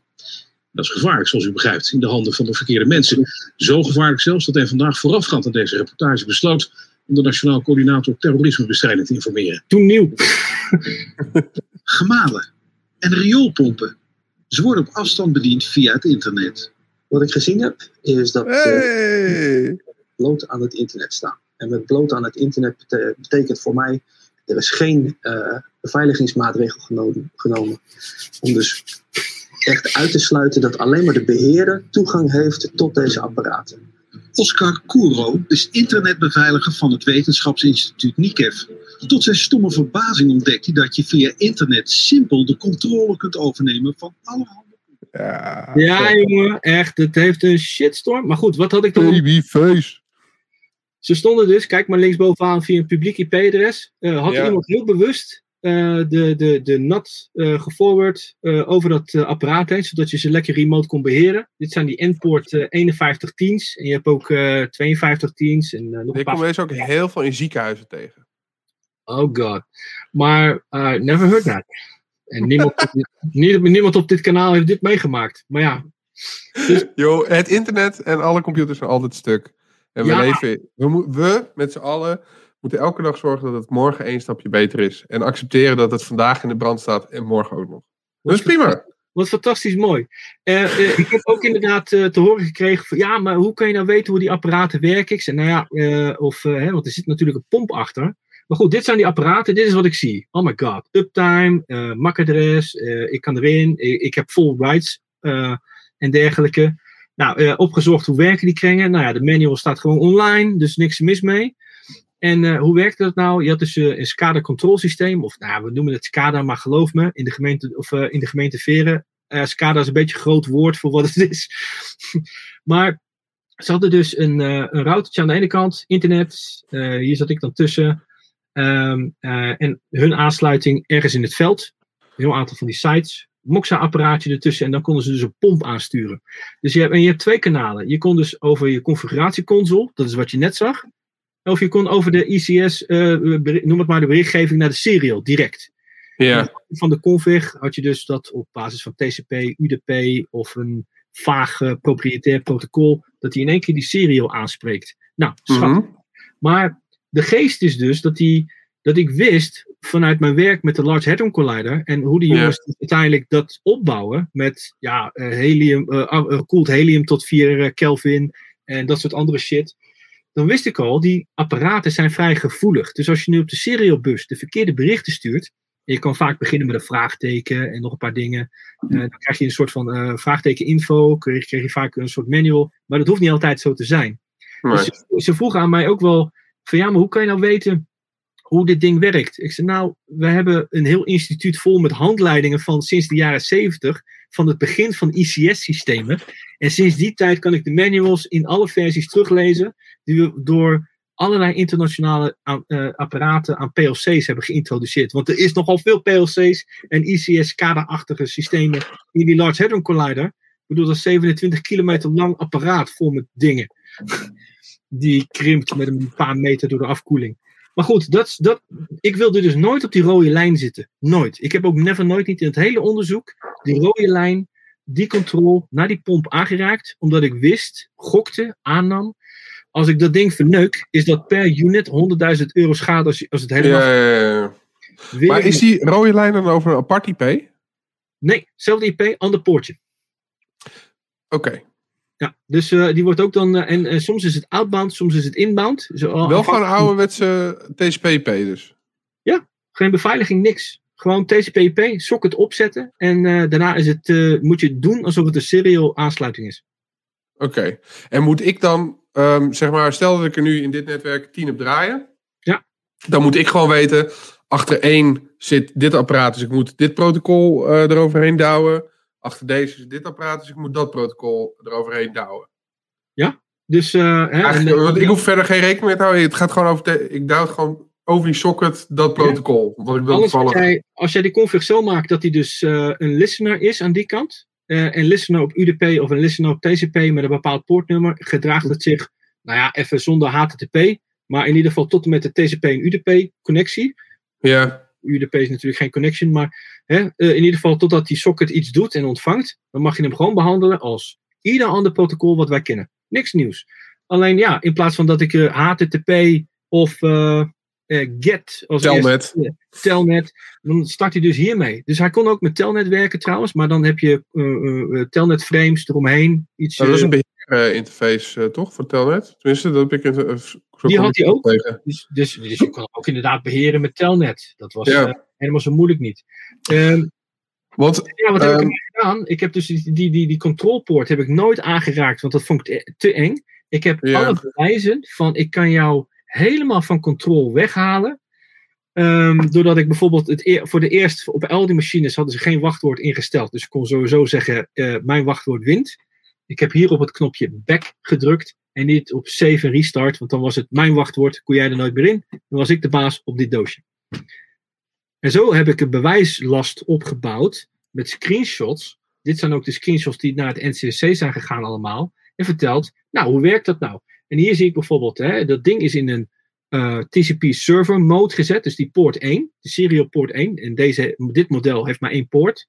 Eh, Heeft dus een TCP server operation mode. En dit is het IP-adres van het hoofdstation in Domburg. Dus de SCADA kant. ja. Dat is de andere kant, dus de control kant. Dat, die zat achter dat IP-adres. Nou, dan ben ik verder gaan kijken. En toen eh, ben ik er ook een tegengekomen met een 2G-aansluiting. dat was ook wel geestig. Zoiets van, nou, eh, de, de GUI, de web GUI werkte niet zo goed. Waarom is dat? Nou, is omdat het op 2G ging. Dus ik kon het allemaal niet te weinig bytes doorheen trekken. Dus je moet byte voor byte eh, wat doen. En eh, ja, dan ga ik gokken. Waar staat dat? Ja, en dan zie ik ineens een watertanksysteem hier in de buurt. En hier ook een waterzuiveringsinstallaties. En een stukje verderop, op basis van die eh, was het naast een sluis. En de andere was naast een iets anders. Maar het bleken dus achteraf rioolpompen te zijn en niet de sluizen en gemalen. Maar dat, dat vertelde het verhaal later pas. ja. Nou, dat de publieke IP-adres van net, die heb ik met proxy chains en, en Tor, ben ik even naartoe gegaan. Van, goh, wat de fuck is dat? Ja. Nou. Zixel. Van router. Ja, dus iemand heeft bewust de standaard config op eh, remote beheer aangezet. Want hij staat standaard vanuit, de eh, vanuit beheer staat hij uit. Ik toevallig. Maar het eerste wachtwoord was natuurlijk. Nou, admin. Dus even proberen. Nee, was het niet. Daarna dacht ik: oké, verplaats jezelf nu eens in een ambtenaar. Eh, een, een ambtenaar die moet met een team van beheerders samen één wachtwoord kunnen delen met elkaar. Ja. Welk gezamenlijk feit weten ze? Behalve postcode, dat soort dingen, eh you name it, eh, wat staat er op het bordje? Ik denk, ja, dat is te moeilijk, dat is te moeilijk, dat is te moeilijk. Welke gemeente is dit? Gemeente Veren. Veren, enter. Dus even voor het verhaal, wat er dus even ander, eh, anders was. Fucking hell. Ja, fucking hell. Maar even goed opletten, jongens en meisjes. Maar dit was dus het wachtwoord voor het controlsysteem. Ja. Dit had geen wachtwoord. Want voor de control unit zelf was dit de allereerste keer dat iemand een wachtwoord sinds de installatie probeerde in, in te stellen. Dus de infra was zonder wachtwoord. Control center was met een wachtwoord. Ja, en dan eh, dit is een stukje waarvan ik het computervredebreuk noem. Eh, vanwege de wetgeving op het wat is wel maatschappelijk relevant enzovoort. La, la, la, la, vond ik het oké vanwege de journalist om dit wel te doen, zeg ik dan even. Van dit is de grens overgaan. Eh, en dan ja, zat ik aan de binnenkant van die Zyxel modem. En toen ben ik naar de firewall logs gegaan. En vanuit de firewall logs kon ik uiteindelijk, naast wat, er, wat Antisec had gevonden via de publieke eh opsec, hè, van, de Intel, had hij een aantal machines gevonden. En ik had de andere zeven ook gevonden via de firewall logs. En uiteindelijk kon ik dan zien wat voor eh NAT-regels hij nog verder had naar binnen toe. En ik denk, oké, Ja. RDP Aquaview. Wat Nou, is RDP. Aquaview? Dat ken ik helemaal niet. Nee, nou, eh, RDP, die kennen we wel even een keertje Ja. geprobeerd. Daarna zoiets van, nou, ga maar weg. Maar Ja. Aquaview, de journalist Joost Blokzaal, die heeft gebeld met de beheerder en die geloofde het niet. Die niet dat dit feitelijk was. Toen hij het woord Aquaview liet vallen, dat is management software voor waterpompsystemen, Ja. watermanagement systemen. Pas toen, Toen pas ging hij het geloven. Jij hebt ingebroken. Jij hebt fysiek ingebroken in het gemeentehuis. Dat was het volgende punt van hem. Ja, dus die beheerder die dacht, je hebt ingebroken. Jij hebt hier achter, achter de burgerzakenlijn, zeg maar, en dan die gang door. Daarachter is een gesloten deur, want daar kan ik alleen maar bij, want ik ben de beheerder. Hè? Ik kan Ja. alleen maar bij die machines. Ik kan het alleen maar Ja. zien. Daarachter had hij dus uiteindelijk eh, eh, had hij zijn machientje staan, die ene server waar die RDP naartoe gaat. En daar had hij de software Aquaview. Niemand weet dat Aquaview wordt gebruikt. Ah, fucking banaan. En de installateur. Hoe weet jij dat? Dus die dacht, er is fysieke inbraak gepleegd. En Ja. toen hebben we even verteld eh, dat het eh, toch even anders zat. Kijk eens in je router, pannenkoek. Ja, misschien dat die eh, leverancier het ja, toch niet helemaal bij het rechte eind had, zeg maar. Want ja, die werd blind vertrouwd. Met nadruk op blind. Ja, Ik ga ze niet noemen of zo, want het is zoveel jaren terug en het is allemaal verbeterd en moeilijk, moeilijk, moeilijk. Maar ja, en ik moet zeggen, kudos voor Chris natuurlijk, want ja, dat is hoofdstuk 7 geworden in dat, in dat boekje. Nou ja, ja, ik, ik, ik- daar, zit, ja, daar zit soms dichtelijke vrijheid in, maar ik vind het een heel leuk idee om te vertellen hoe het gegaan is. Maar dit, dit, Ja. is, eh, dit waren de screenshots, dit was, eh, dit was de, de real deal. Ehm, het is wel echt fucking vet. Ik vind het leuk om... ze om allemaal te horen afgelopen, over- al die devices. Allemaal, één voor één. Maar ik vind het leuk om over, wat over die Moxa's te horen. Want ik heb, ja, ik heb heel regelmatig dat ik die dus tegenkom. En dat die dus, eh, nou, dan vaak is een management interface kan ik sowieso bij. Eh, en, en dat is dan vaak default cats, dus dat, dat is eh, easy. Maar dan vervolgens denk ik, ja, kan erbij. Eh, ja, nou, Kijk, wat ik, wat, ik, wat ik heb bewezen en verteld, naar aanleiding van als je zo'n apparaat vindt en je, je bent de be- nieuwe beheerder geworden, want ja, meet your new owner, that would be me, ja, Ehm, dan kan ik zeggen, jij kan niet meer naar het control center. Ik bepaal wat er gebeurt op die lijn. Ik ben Ja. nieuw, ik, I'm your new controller. En dus ga maar naar mijn eh pompsysteem luisteren. Dus en, Ja. en als je dan verplaatst naar waar worden ze gebruikt. Nou, dit waren dan rioolpompen. Als ik, als ik de rioolpompen wist aan te sturen, waarvan de beheerder zei natuurlijk, je hebt de schema's niet, waarvan ik zeg, let's, I can challenge that. Ehm, dus, ehm, hè, dus als je het nou verkeerd om laat draaien, dan gaan de, gaan de riolen dus uiteindelijk overspoelen en komt uiteindelijk het grondwater, of eigenlijk rioolwater, in het grondwater gemengd bij elkaar. Nou, dat geeft milieuverontreiniging. Dus je moet vaak nadenken oké, maar als ik nou de controle overneem en ik word een nieuwe eigenaar van die serial port, wat kan ik er dan op afsturen? Wat voor doosje zit erachter? Ja, wat zijn daar de gevolgen van? En als ik nou de nieuwe eigenaar ben geworden van dit stukje infrastructuur. En ik kan beslissen, jij bent niet meer de beheerder, ik kan je afkappen. Dan kan je ook niet meer herstellen als het kut gaat. Dus daar als moet je heen. moet je er naartoe. Moet je heen. Ja, het, ik heb dus, even denken, eh Brucon, twee jaar geleden. Die hebben dus een eh, ICS SCADA CTF. We- Dat is van een bedrijf. En die hebben gewoon allemaal van die, je kent die koffers wel, voor, die ze ook in de audio-video veel gebruiken, Ja. weet je wel. Zo'n zwarte koffer met die eh, aluminium onderranden. En die gaan gewoon allemaal open. Zetten ze netwerk op, dan mag je op en dan mag je dus met die SCADA-meuk. eh, en nou, het ding is dus, als ik dit dus tegenkom, dan zeg ik altijd, oh ja, nou, je kan het beheren, je moet het niet doen, pas op. En ik heb geen idee wat er achter die ehm, apparaten hangt aan, aan enge oude meuk.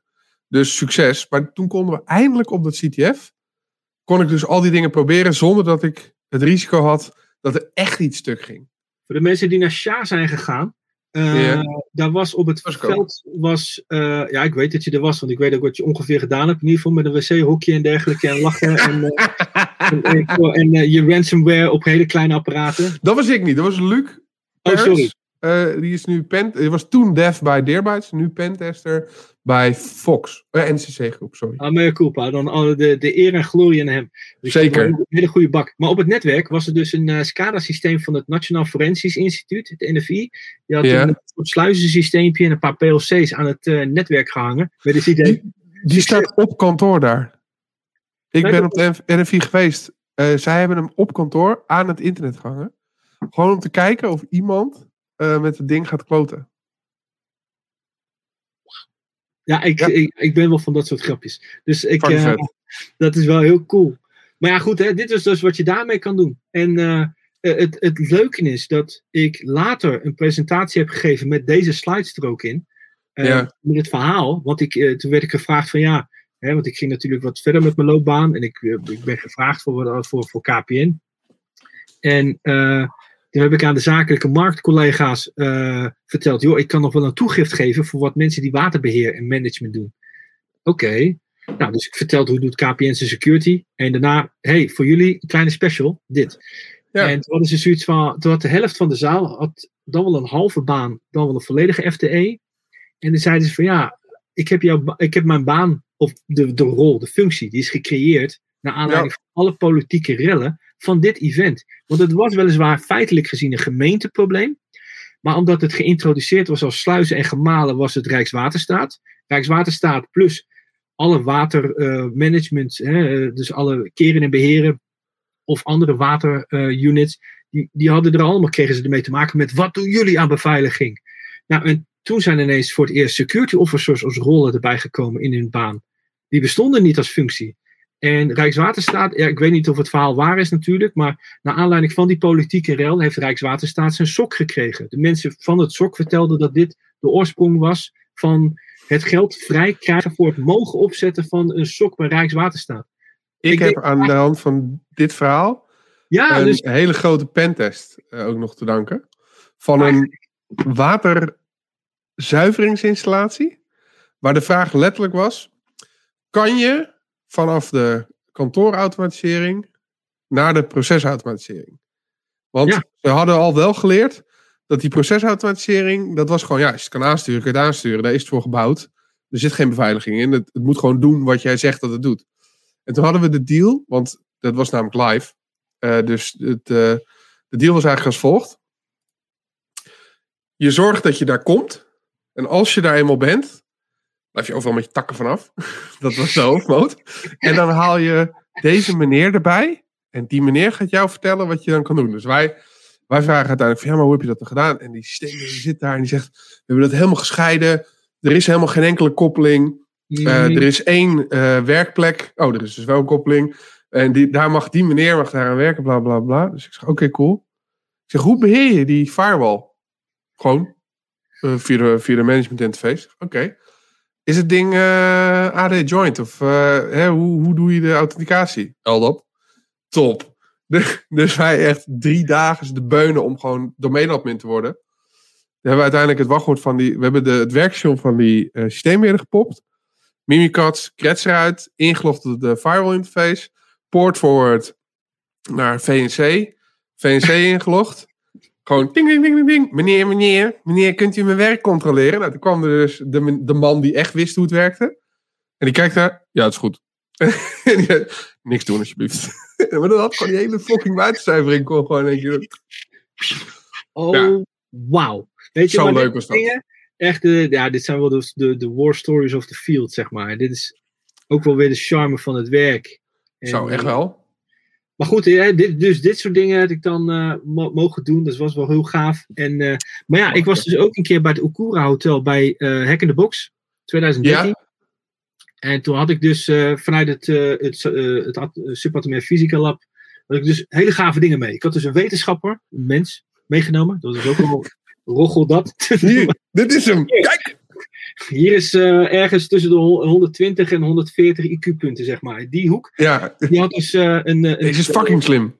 Ja, fucking slim. En die had een, een, een muon-detector had hij meegenomen. Of nee, een neutrino-detector, sorry. Maar een tabletop-versie. Meestal zijn die kringen fucking groot. Hij had Ja, een tabletop-variant geroggeld. Met het idee, er komen eh, geladen deeltjes door 13 etages beton van het Okura Hotel op de, deze opstelling. Kijk dit.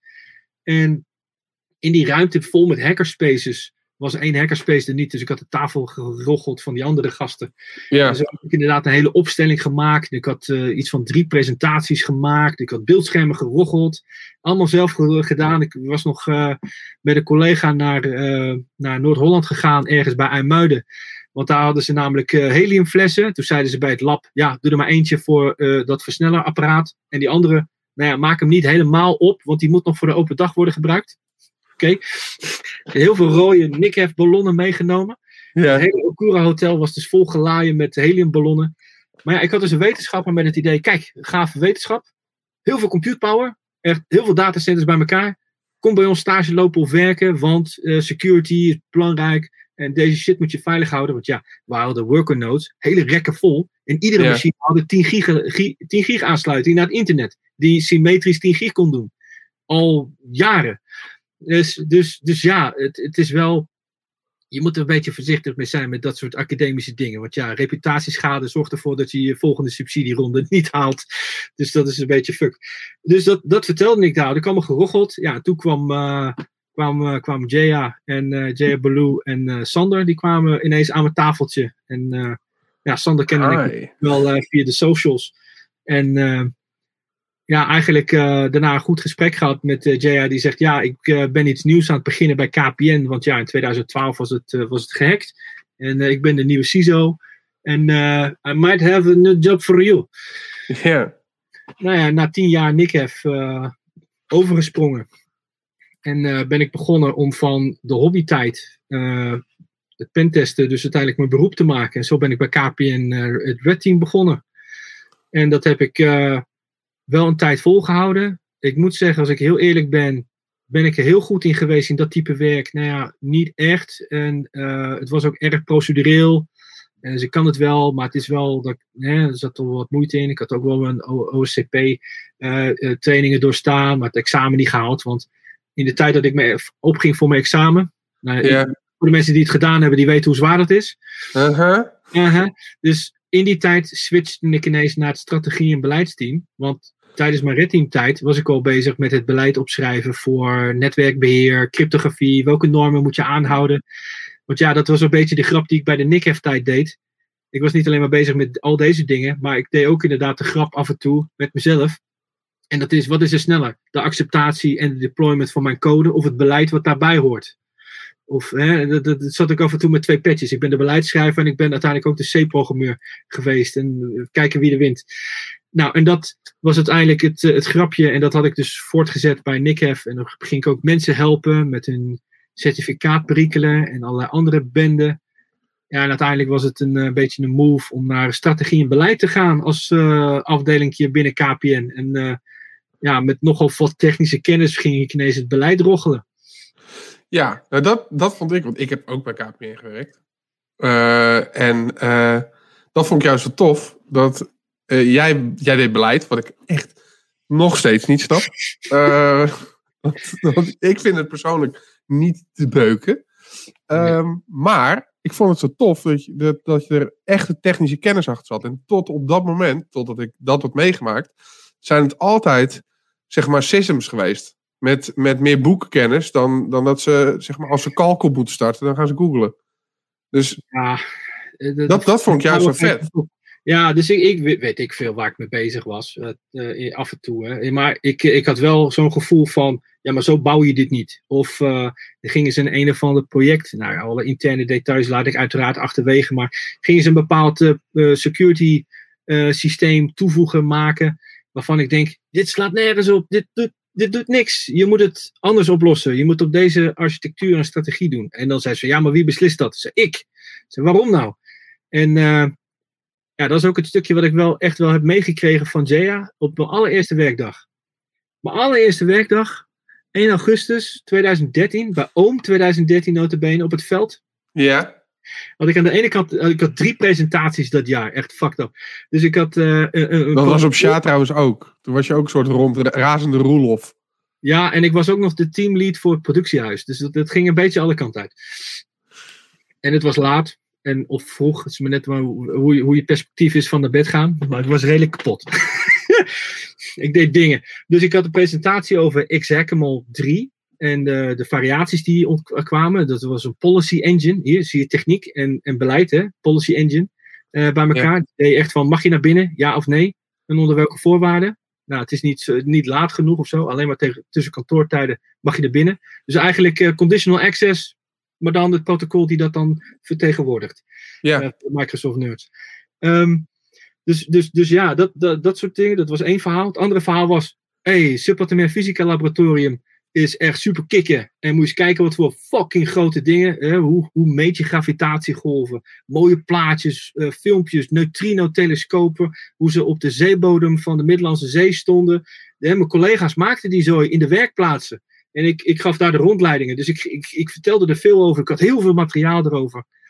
En dat is uiteindelijk uh, het stukje wat, uh, wat ik dus altijd meegaf. En dat, was een, dat, dat bleek later dan ja, een beetje een afscheidspresentatie te zijn. Uh, ja. Voor Nick want ik had niet gepland in die tijd, want het ging heel, heel vlot uh, met de KPN uh, Move.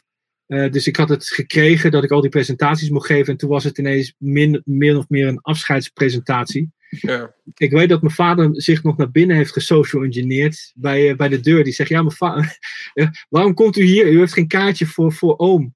Ja, mijn zoon geeft zo meteen een presentatie. Ja, nou, nou en. Ze zei, ja, maar alleen dan. Dus ik ga daarna gelijk weg. Dus, dus toen mocht hij naar binnen en dan zat hij op Echt? front row. Ja, Ja, dat is wel tof. Dat is wel ja, dat tof. wel... Ja, ik wel... Ik geloof niet dat mijn ouders mij ooit hebben zien presenteren. Nee. Maar die andere presentatie, dus op mijn allereerste werkdag, was bij Jaya. En toen had ik eh, eh, 802 X-fouten in de Ziggo deployment eh, ontdekt. Bij Nokia allerlei fouten en allemaal narigheden. Wat ze met Navarro deden. En al dat soort shit was in één grote presentatie. En what, what could possibly go wrong? Dan de verkeerde aannames en verwerkingen van DigiNotar. Al die shit had ik allemaal geanalyseerd. En de source code van Firefox eh, erbij gepakt. Van nou ja, ik denk dat je hier een gekke fout hebt gemaakt. Als, als, als, vind ik dan. Daar presenteerde ik over. Dat was dan naar 500, 600 mensen. En er zaten mijn nieuwe collega's front row. Jaya en de rest Ook wel vet. ook kicken. En Ja. een van de dingen die ze zei, en dat zal ik nooit vergeten, en ik wist niet eens wat het betekende toen. Toen zei ze, branded. Branded? Wat bedoel je nou met branded? Ik wat betekent dat? Ja.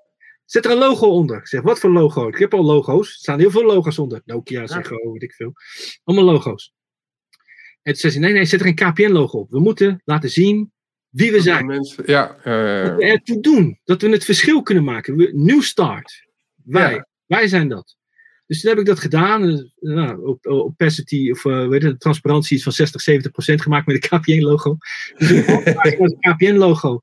En dat. eh, en eh, ook, ik zei, maar kom ik dan niet in de problemen? En toen zeiden, I'll cover your ass.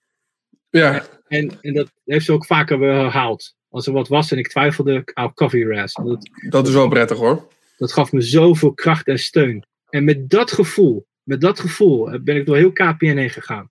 Dat ik wist dat ik, maakt niet uit wat ik deed, maar als ik mijn gevoel en mijn kennis en mijn ervaring gebruikte en ik ging uiteindelijk een gekke discussie aan met een of andere pipo, maakt niet uit wie, of er nou een projectleider, systeembeheerder of iets anders, maar dat ik gewoon vanuit techniek, objectiviteit, what matters, what doesn't matter, wat maakt het verschil, dat ik dat verhaal kon vertellen. En als en als ze zeggen, ja, maar dat is kut in de KPN security policy, dan zeg ik, dan ga ik het toch herschrijven. Huh? Hoe ga je dat regelen dan? Ik zeg, nou ja, Proberen hè. mijn fucking beleid. In ieder geval die regel. Ik was verantwoordelijk voor sommige regels, zeg ik dan altijd. Ik zeg, ja, dat zeg ik dan heel gekscherend. En dat klinkt wat chauvinistisch. En dat is ook zo, zeg ik ook wel eerlijk.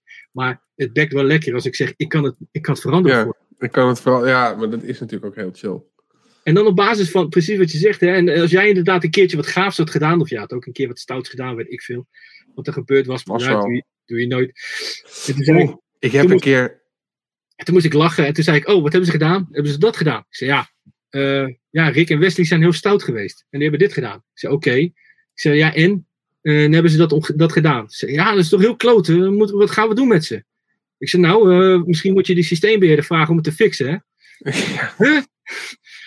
Ja, maar zij Ik hebben dit gedaan. Ik zeg, nou en? Ik zeg, misschien had je dat nooit moeten laten gebeuren. Nou, ik had het op een gegeven moment, we kregen een nieuwe lo- werklocatie. En eh, toen kwam ik er dus achter dat eh, als ik dan naar een domein ging wat op de, black, op de bloklist stond, dan eh, kwam dat zeg maar bij ergens bij iemand terecht. Dus ik kreeg opeens bericht van, jij mag niet naar deze toornode. Of jij mag niet naar dit domein, want dat staat op de blacklist. Ja. Dus wat ik toen ben gaan doen, is, ehm, toen dacht ik, hé, hey, er zit dus iemand en die ziet dit. Dacht ik, wat ik nou een subdomein verzin met een bericht erin Ja. voor diegene. Dus ik, hoi, ik ben hier en hoe is het met jullie? dus ik werd niet gewaardeerd. Ja, ik, kwamen ja, dus allemaal alarmen binnen met een heel verhaal in DNS. weet je, dat soort stoute dingen, ik, eh, ik kan dat wel gek genoeg waarderen. En, Ja, eh, en, en, en dat iemand die creativiteit heeft om dat op die manier te zoeken. Ik heb ook van die DNS-request pingpongs gezien. En in de request begint dan ineens het beginverhaal van Star Wars te beginnen of zo. Met zoiets. Dan denk ik, oh wauw. Dat is toch vet? Dat is vet. Ik, dat is gaaf. Maar dan denk ik, je bent. En dat is de mentaliteitskwestie. Hè? Dan heeft iemand dat gedaan. En dat, dat heb ik ook vaak met KPN meegemaakt. Ja, maar dat moet toch niet kunnen. Ik Zeg, gast, waar ben je zelf geweest om dit toe te laten staan? Ja, Ja. maar, maar, maar, maar. Nee, nee, nee, je moet fixen. Uit je kop. We hebben het Ja, gevonden. Wees maar blij. En ik snap het gevoel wel. Je voelt jezelf ook een beetje, eh, ja, een beetje te kakken. Weet je, als ik iets gebouwd heb en iemand die, die hackt dat dan, dan is misschien het hele eerste gevoel, heb ik gebouwd. Hm. Maar Ja. daarna moet je denken, oké, cool. En hoe werkt het dan? En hoe kunnen we dit fixen? En oh, wat tof dat iemand eigenlijk de moeite heeft genomen om naar mijn shit te kijken. Want, want Dat is de standaard. Nobody gives a shit. Wat jij doet, nobody cares. Dus als iemand de moeite heeft genomen om naar jouw spullen te kijken, dan moet je eigenlijk heel blij zijn. Maar er zijn ook situaties buiten KPN geweest waarvan er zo'nzelfde situatie gebeurde. En dat ik echt wel eenzelfde gesprek heb met. Denk je nou echt dat het probleem is dat jij gehackt bent door die persoon? Wees blij dat hij het je gemeld heeft. Wees blij dat hij die mail heeft geschreven. Dat hij de moeite. Nee, eens. Allemaal krutste spelfouten. Shut the fuck up. Listen.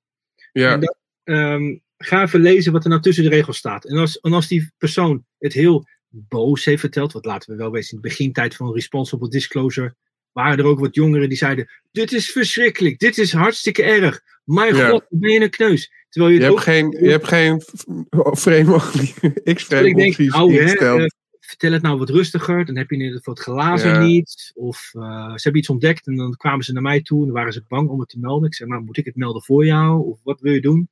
ja. Ik hoop wat je gedaan hebt. Eh, misschien niet zo handig. En eh, let op. Nou, en zo ja, wel wat dingen recht lopen breien voor een hoop mensen. En dat vond ik ook wel krachtig. En ja, en ik moet zeggen, ik kijk zo een beetje naar de klok, vriend. I know, dude. Jij moest om twee uur eh, weg, niet?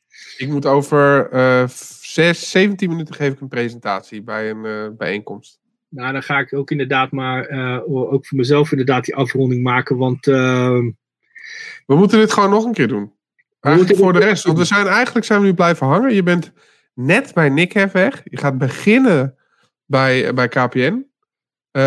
Ja, je, zit, je zet op Oom. Eigenlijk daar zijn we, daar zijn we gewoon geland. Ja. Maar doe ik dat andere stukje er nog achteraan? Ik denk het wel. Ik zou het doen. Dus ik- als jij het wil doen, ja. doe het lekker. Ja, dus eh, ja, weet je, eh, op Oom op 1 augustus eh, is het inderdaad begonnen. En op 1 augustus 2021 gaat het ook eindigen. Ja, man. Dus ja, End of an era. end of an era. Dus na acht jaar eh, vol trots, zeg ik er ook wel bij. Want iedereen heeft een mening over KPN. En ik heb eh, de NL nog lijsten langs zien komen met wat voor meningen daar dan uiteindelijk eh, zijn. You name it, alles. En op Twitter net zo goed. En of dat nou Erik Bijs is die af en toe weer eens een mening heeft over KPN. Hoi Erik. maar, love you long time. Maar ehm, ja, weet je, ik heb het altijd wel met veel genot gedaan. Echt veel mogen bereiken, een hoop euro's bespaard. maar ik, ehm, ik ga binnenkort door als eh, de CISO voor het ministerie van Volksgezondheid, Welzijn en Sport. Fucking vet. Echt vet. En ik moet zeggen, ja, met trots ga ik uiteindelijk iets nieuws eh, doen. En eh, ik kom in een clubje terecht waarvan ik gezien heb dat ze open source kunnen waarderen. Nou, dat kan ik Zo. ook erg waarderen. Dat ze Ik zat toevallig vanmorgen op een GitHub. Ja, ik heb er ook inderdaad een bijdrage aan geleverd. Heeft voor, ja. Ja, dus, Nice. ja, ja, ik had zoiets van, dat kan ik beter dan Anne Jan. Dat was even de grap natuurlijk, want ik zag dat Anne Jan wat ingecheckt had. Ik denk, dat kan beter. Dus zo, dat was een beetje een grapje natuurlijk, maar ja, dat was met die Uzi passen. Eh, ja. En wat dat allemaal betekent, moeten we ook misschien maar even eh, voor een volgende keer bewaren. Nou, maar we gaan gewoon nog een sessie. dat gaan we gewoon doen. Ja, best wel wat mensen die, de, die zich af zaten te vragen van, huh, wat gebeurt hier nou? Nou ja, ding. Maar ja, dus, en ook voor die mensen, want die weten dat dan nog niet. Want die gaan heel misschien dit via de VIA en de TamTam en dat soort dingetjes krijgen. Want ja, ook maar net het team verteld binnen de CISO van KPN. Ik ga ze allemaal missen. Ik ga ze heel erg missen. Ja, dat snap ik wel, man. Ja, weet je, het ding is, je, je, soms ben je met sommige mensen, en dat geldt ook voor die Johan in de, in de chat, eh, weet je, je, je belt af en toe wel eens op hele gekke momenten met elkaar. En dan Ja. is de grote vraag, neemt die ander de telefoon op voor je? Of als iemand mij belt op een gek tijdstip, dat ik weet, ik moet even opnemen, er is iets. En dat je Ja, die belt niet voor niets. ja, en zo hebben we echt wel met een hele hoop mensen, ook mensen buiten CISO, eh, echt wel hele gave dingen bereikt. Eh, maar ja, dat eh, ga ik voorzetten, voortzetten nu als, als CISO van een heel ministerie. Ja, ja het, ik bedoel, ik, het is een heel relevant ding natuurlijk nu ook. Maar je ziet dat ze heel veel open source doen. Wat Ja. fucking vet is. Super. Momenteel zitten ze natuurlijk in een situatie waarin alles op, op hoge druk moet gebeuren. Dus ik denk eh, dat, ze, dat ze een hele slimme stap maken door, eh, door jou eh, te betrekken. En ik, ik geloof ook dat je, net als dat je bij KPN hebt gedaan, dat soort we gaan het regelen mentaliteit. Ja. Dat die daar heel goed van pas gaat komen. Ja, Dus, kijk, ik zeg er ook wel bij, inderdaad. Nu zit ik aan de andere kant, aan de binnenkant van de overheid. Nou ja, heb ik inderdaad ook wel veel lieve contactjes. Ja, En, eh, dus ik kan dat soort dingen ook om, eh, voortzetten. En ik heb allemaal ideeën van, oh, dan moet ik dit allemaal regelen. Dus ja, 1 augustus. Maar god, de tijd zal snel gaan. Ah, weet je wat het is? Ehm, ik heb dat toen gezien eh, bij KPN. En ik heb toen ook wel tegen je gezegd: je hebt gewoon engelen geduld. Eh, en eh, een doorzettingsvermogen wat ik totaal niet heb. Dus wat dat gaat ben ik heel jaloers. Ehm, je hebt, ik heb het gezien. eh, jij hebt altijd die, die zicht gehad op: oké, dit wil ik bereiken, dit gaan we doen. Eh, en hoe komen we daar? En ik was dan, ik ga het bedenken en dan denk ik: oké, nee, dit is veel te veel gezeik, doei. En je hebt dat altijd goed doorgezet. En ik denk dat je dat daar ook ja, gewoon eh, heel goed eh, gaat oppakken. Ja. Eh, dus ik ben super benieuwd eh, naar je avonturen straks eh, binnen de overheid. Ik hoop wel dat daar net als dat je nu een redelijk publiek component hebt. Hè? Dus een, KPN is een privaat bedrijf. Maar heel veel van jullie werk werd gepubliceerd, werd gedeeld of gepresenteerd. Ik hoop dat dat straks ook nog kan. En misschien dat je dan eh, ook voor onze overheid eh, een voorbeeldfunctie vanuit VWS richting de rest ook kan uitdragen. Maar goed, Dit, dit, eerst is, VWS. dit is natuurlijk niet een hint dat praktisch alles wopbaar is, hè? Maar. Ik wil graag alle e-mails van Oscar Kouro eh, wil ik inzien. oh fuck. Nou, die, grap maakte ik gisteren al inderdaad. Dat, dat ik wel wel weet dat ik denk dat ieder e-mailtje waarschijnlijk wel ergens wordt opgeslagen. Dus daar moet je geen stoute dingen doen. Nee, maar ja, weet je, dat ga ik meemaken. En ik moet zeggen, sommige dingen die ga, wil ik echt voortzetten. Laten zien wat er kan. Niet alleen Ja. maar stoppen met, oh my god, ik ben gehackt of ik ben zwak. Nee, wat kan er wel? En ja, soms duurt het even. Dat klopt. Hele strategieën over anti-DDoS. eh nou, is ook iets voor de volgende keer. Maar die, Ja. eh, dat, dat zijn ideeën van vijf jaar lang. En die beginnen soms... trouwens de keep ook gewoon meteen aan, hè? Ja, Dus voor de, ik heb eh, alle opmerkingen voor de volgende keer heb ik al opgeschreven. Dus de volgende podcast gaan wij gewoon plannen. Ik heb namelijk alle punten al. We hoeven niet eens voor te bereiden. wauw. Nou, deden we ook. ik bedoel, voorbereiding. Dit is ook hoe we ongeveer wel, wel meer dingen doen. Voorbereiding, Ja. werkt dat? Ik zie het wel. Ja. Ik, ik hoor je dan. ik neem, nou ja, je hebt gisteravond gemeld. Ik neem deze presentatie mee. Deze video's kunnen we, kunnen we doen. Ja, komt Toch? Ik op. bedoel, ja, dat was het een beetje. Ja, just in time. Ja, kijk, en ik heb nog precies 10 minuutjes. Dus ik ga zo een kopje thee zetten voor mijn prezo. Ehm, dus dat, eh, dan ga ik gaan we er ook een eind aan breien nu. Hopelijk, eh, want Erik zei het al in de chat, zag ik net. Ehm, hopelijk kunnen we de volgende keer echter een, eh, weer in person doen. Wie weet zijn we dan tegen die tijd allemaal ingeënt. Het gaat als een speer, dus wat dat betreft... fingers crossed. Ik, ik zou zo graag weer een keer gewoon met iemand aan tafel zitten. Ja, ik hoop niet dat het aan de computersystemen zal liggen binnenkort. Ja. Ja. Oscar, schiet op! Nou, dat is ook wel Ehm, grappig, hè? Het, zeg maar, ter toegift, als het dus ergens in de organisatie, maakt niet uit onder welke organisatie unit het is, of het nou RIVM is of GGD Goor, ik mag het Hugo vertellen. Dat is wel dikkie, hè? Ja, Dat is wel dikkie. zover ik heb begrepen is dat de lijn, zeg maar. Ik moet me nog even Dat laten dat is wel cool. maar Dat is wel cool. Moet je er ook een pak aan? eh, nou, ik denk dat je wel kan gokken dat daar zo creatief als dat ik altijd al ben ermee omga. Oh, je bedoelt gewoon een jasje en overhemd en hieronder heb je gewoon je onderbroek alleen aan. Zoals je nu eigenlijk ook zit. Aha. onderbroek? Ik liep net naar het toilet. Mensen hebben kunnen zien dat ik een broek aan heb. Ja, nou ja, goed, ik zit nog steeds. Ah ja, prof. Cool. Nee, maar we moeten nu echt, hè, want ik, ik kom helemaal in knoop in mijn planning. Ik, ik, ik moet ook voor.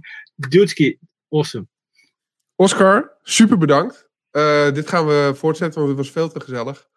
Eh, alle mensen die hebben gekeken, alle mensen die ook eh, in de chat hebben gereageerd, wordt altijd gewaardeerd, super gezellig. Jullie maken dat die podcast ook interactief en, en leuk is. Voor, voor, voor mij ook wordt hij alleen maar vetter. Tot de volgende sessie en er komt sowieso een tweede Oscar Kuro zolder sessie. Tot ziens allemaal. Yeah!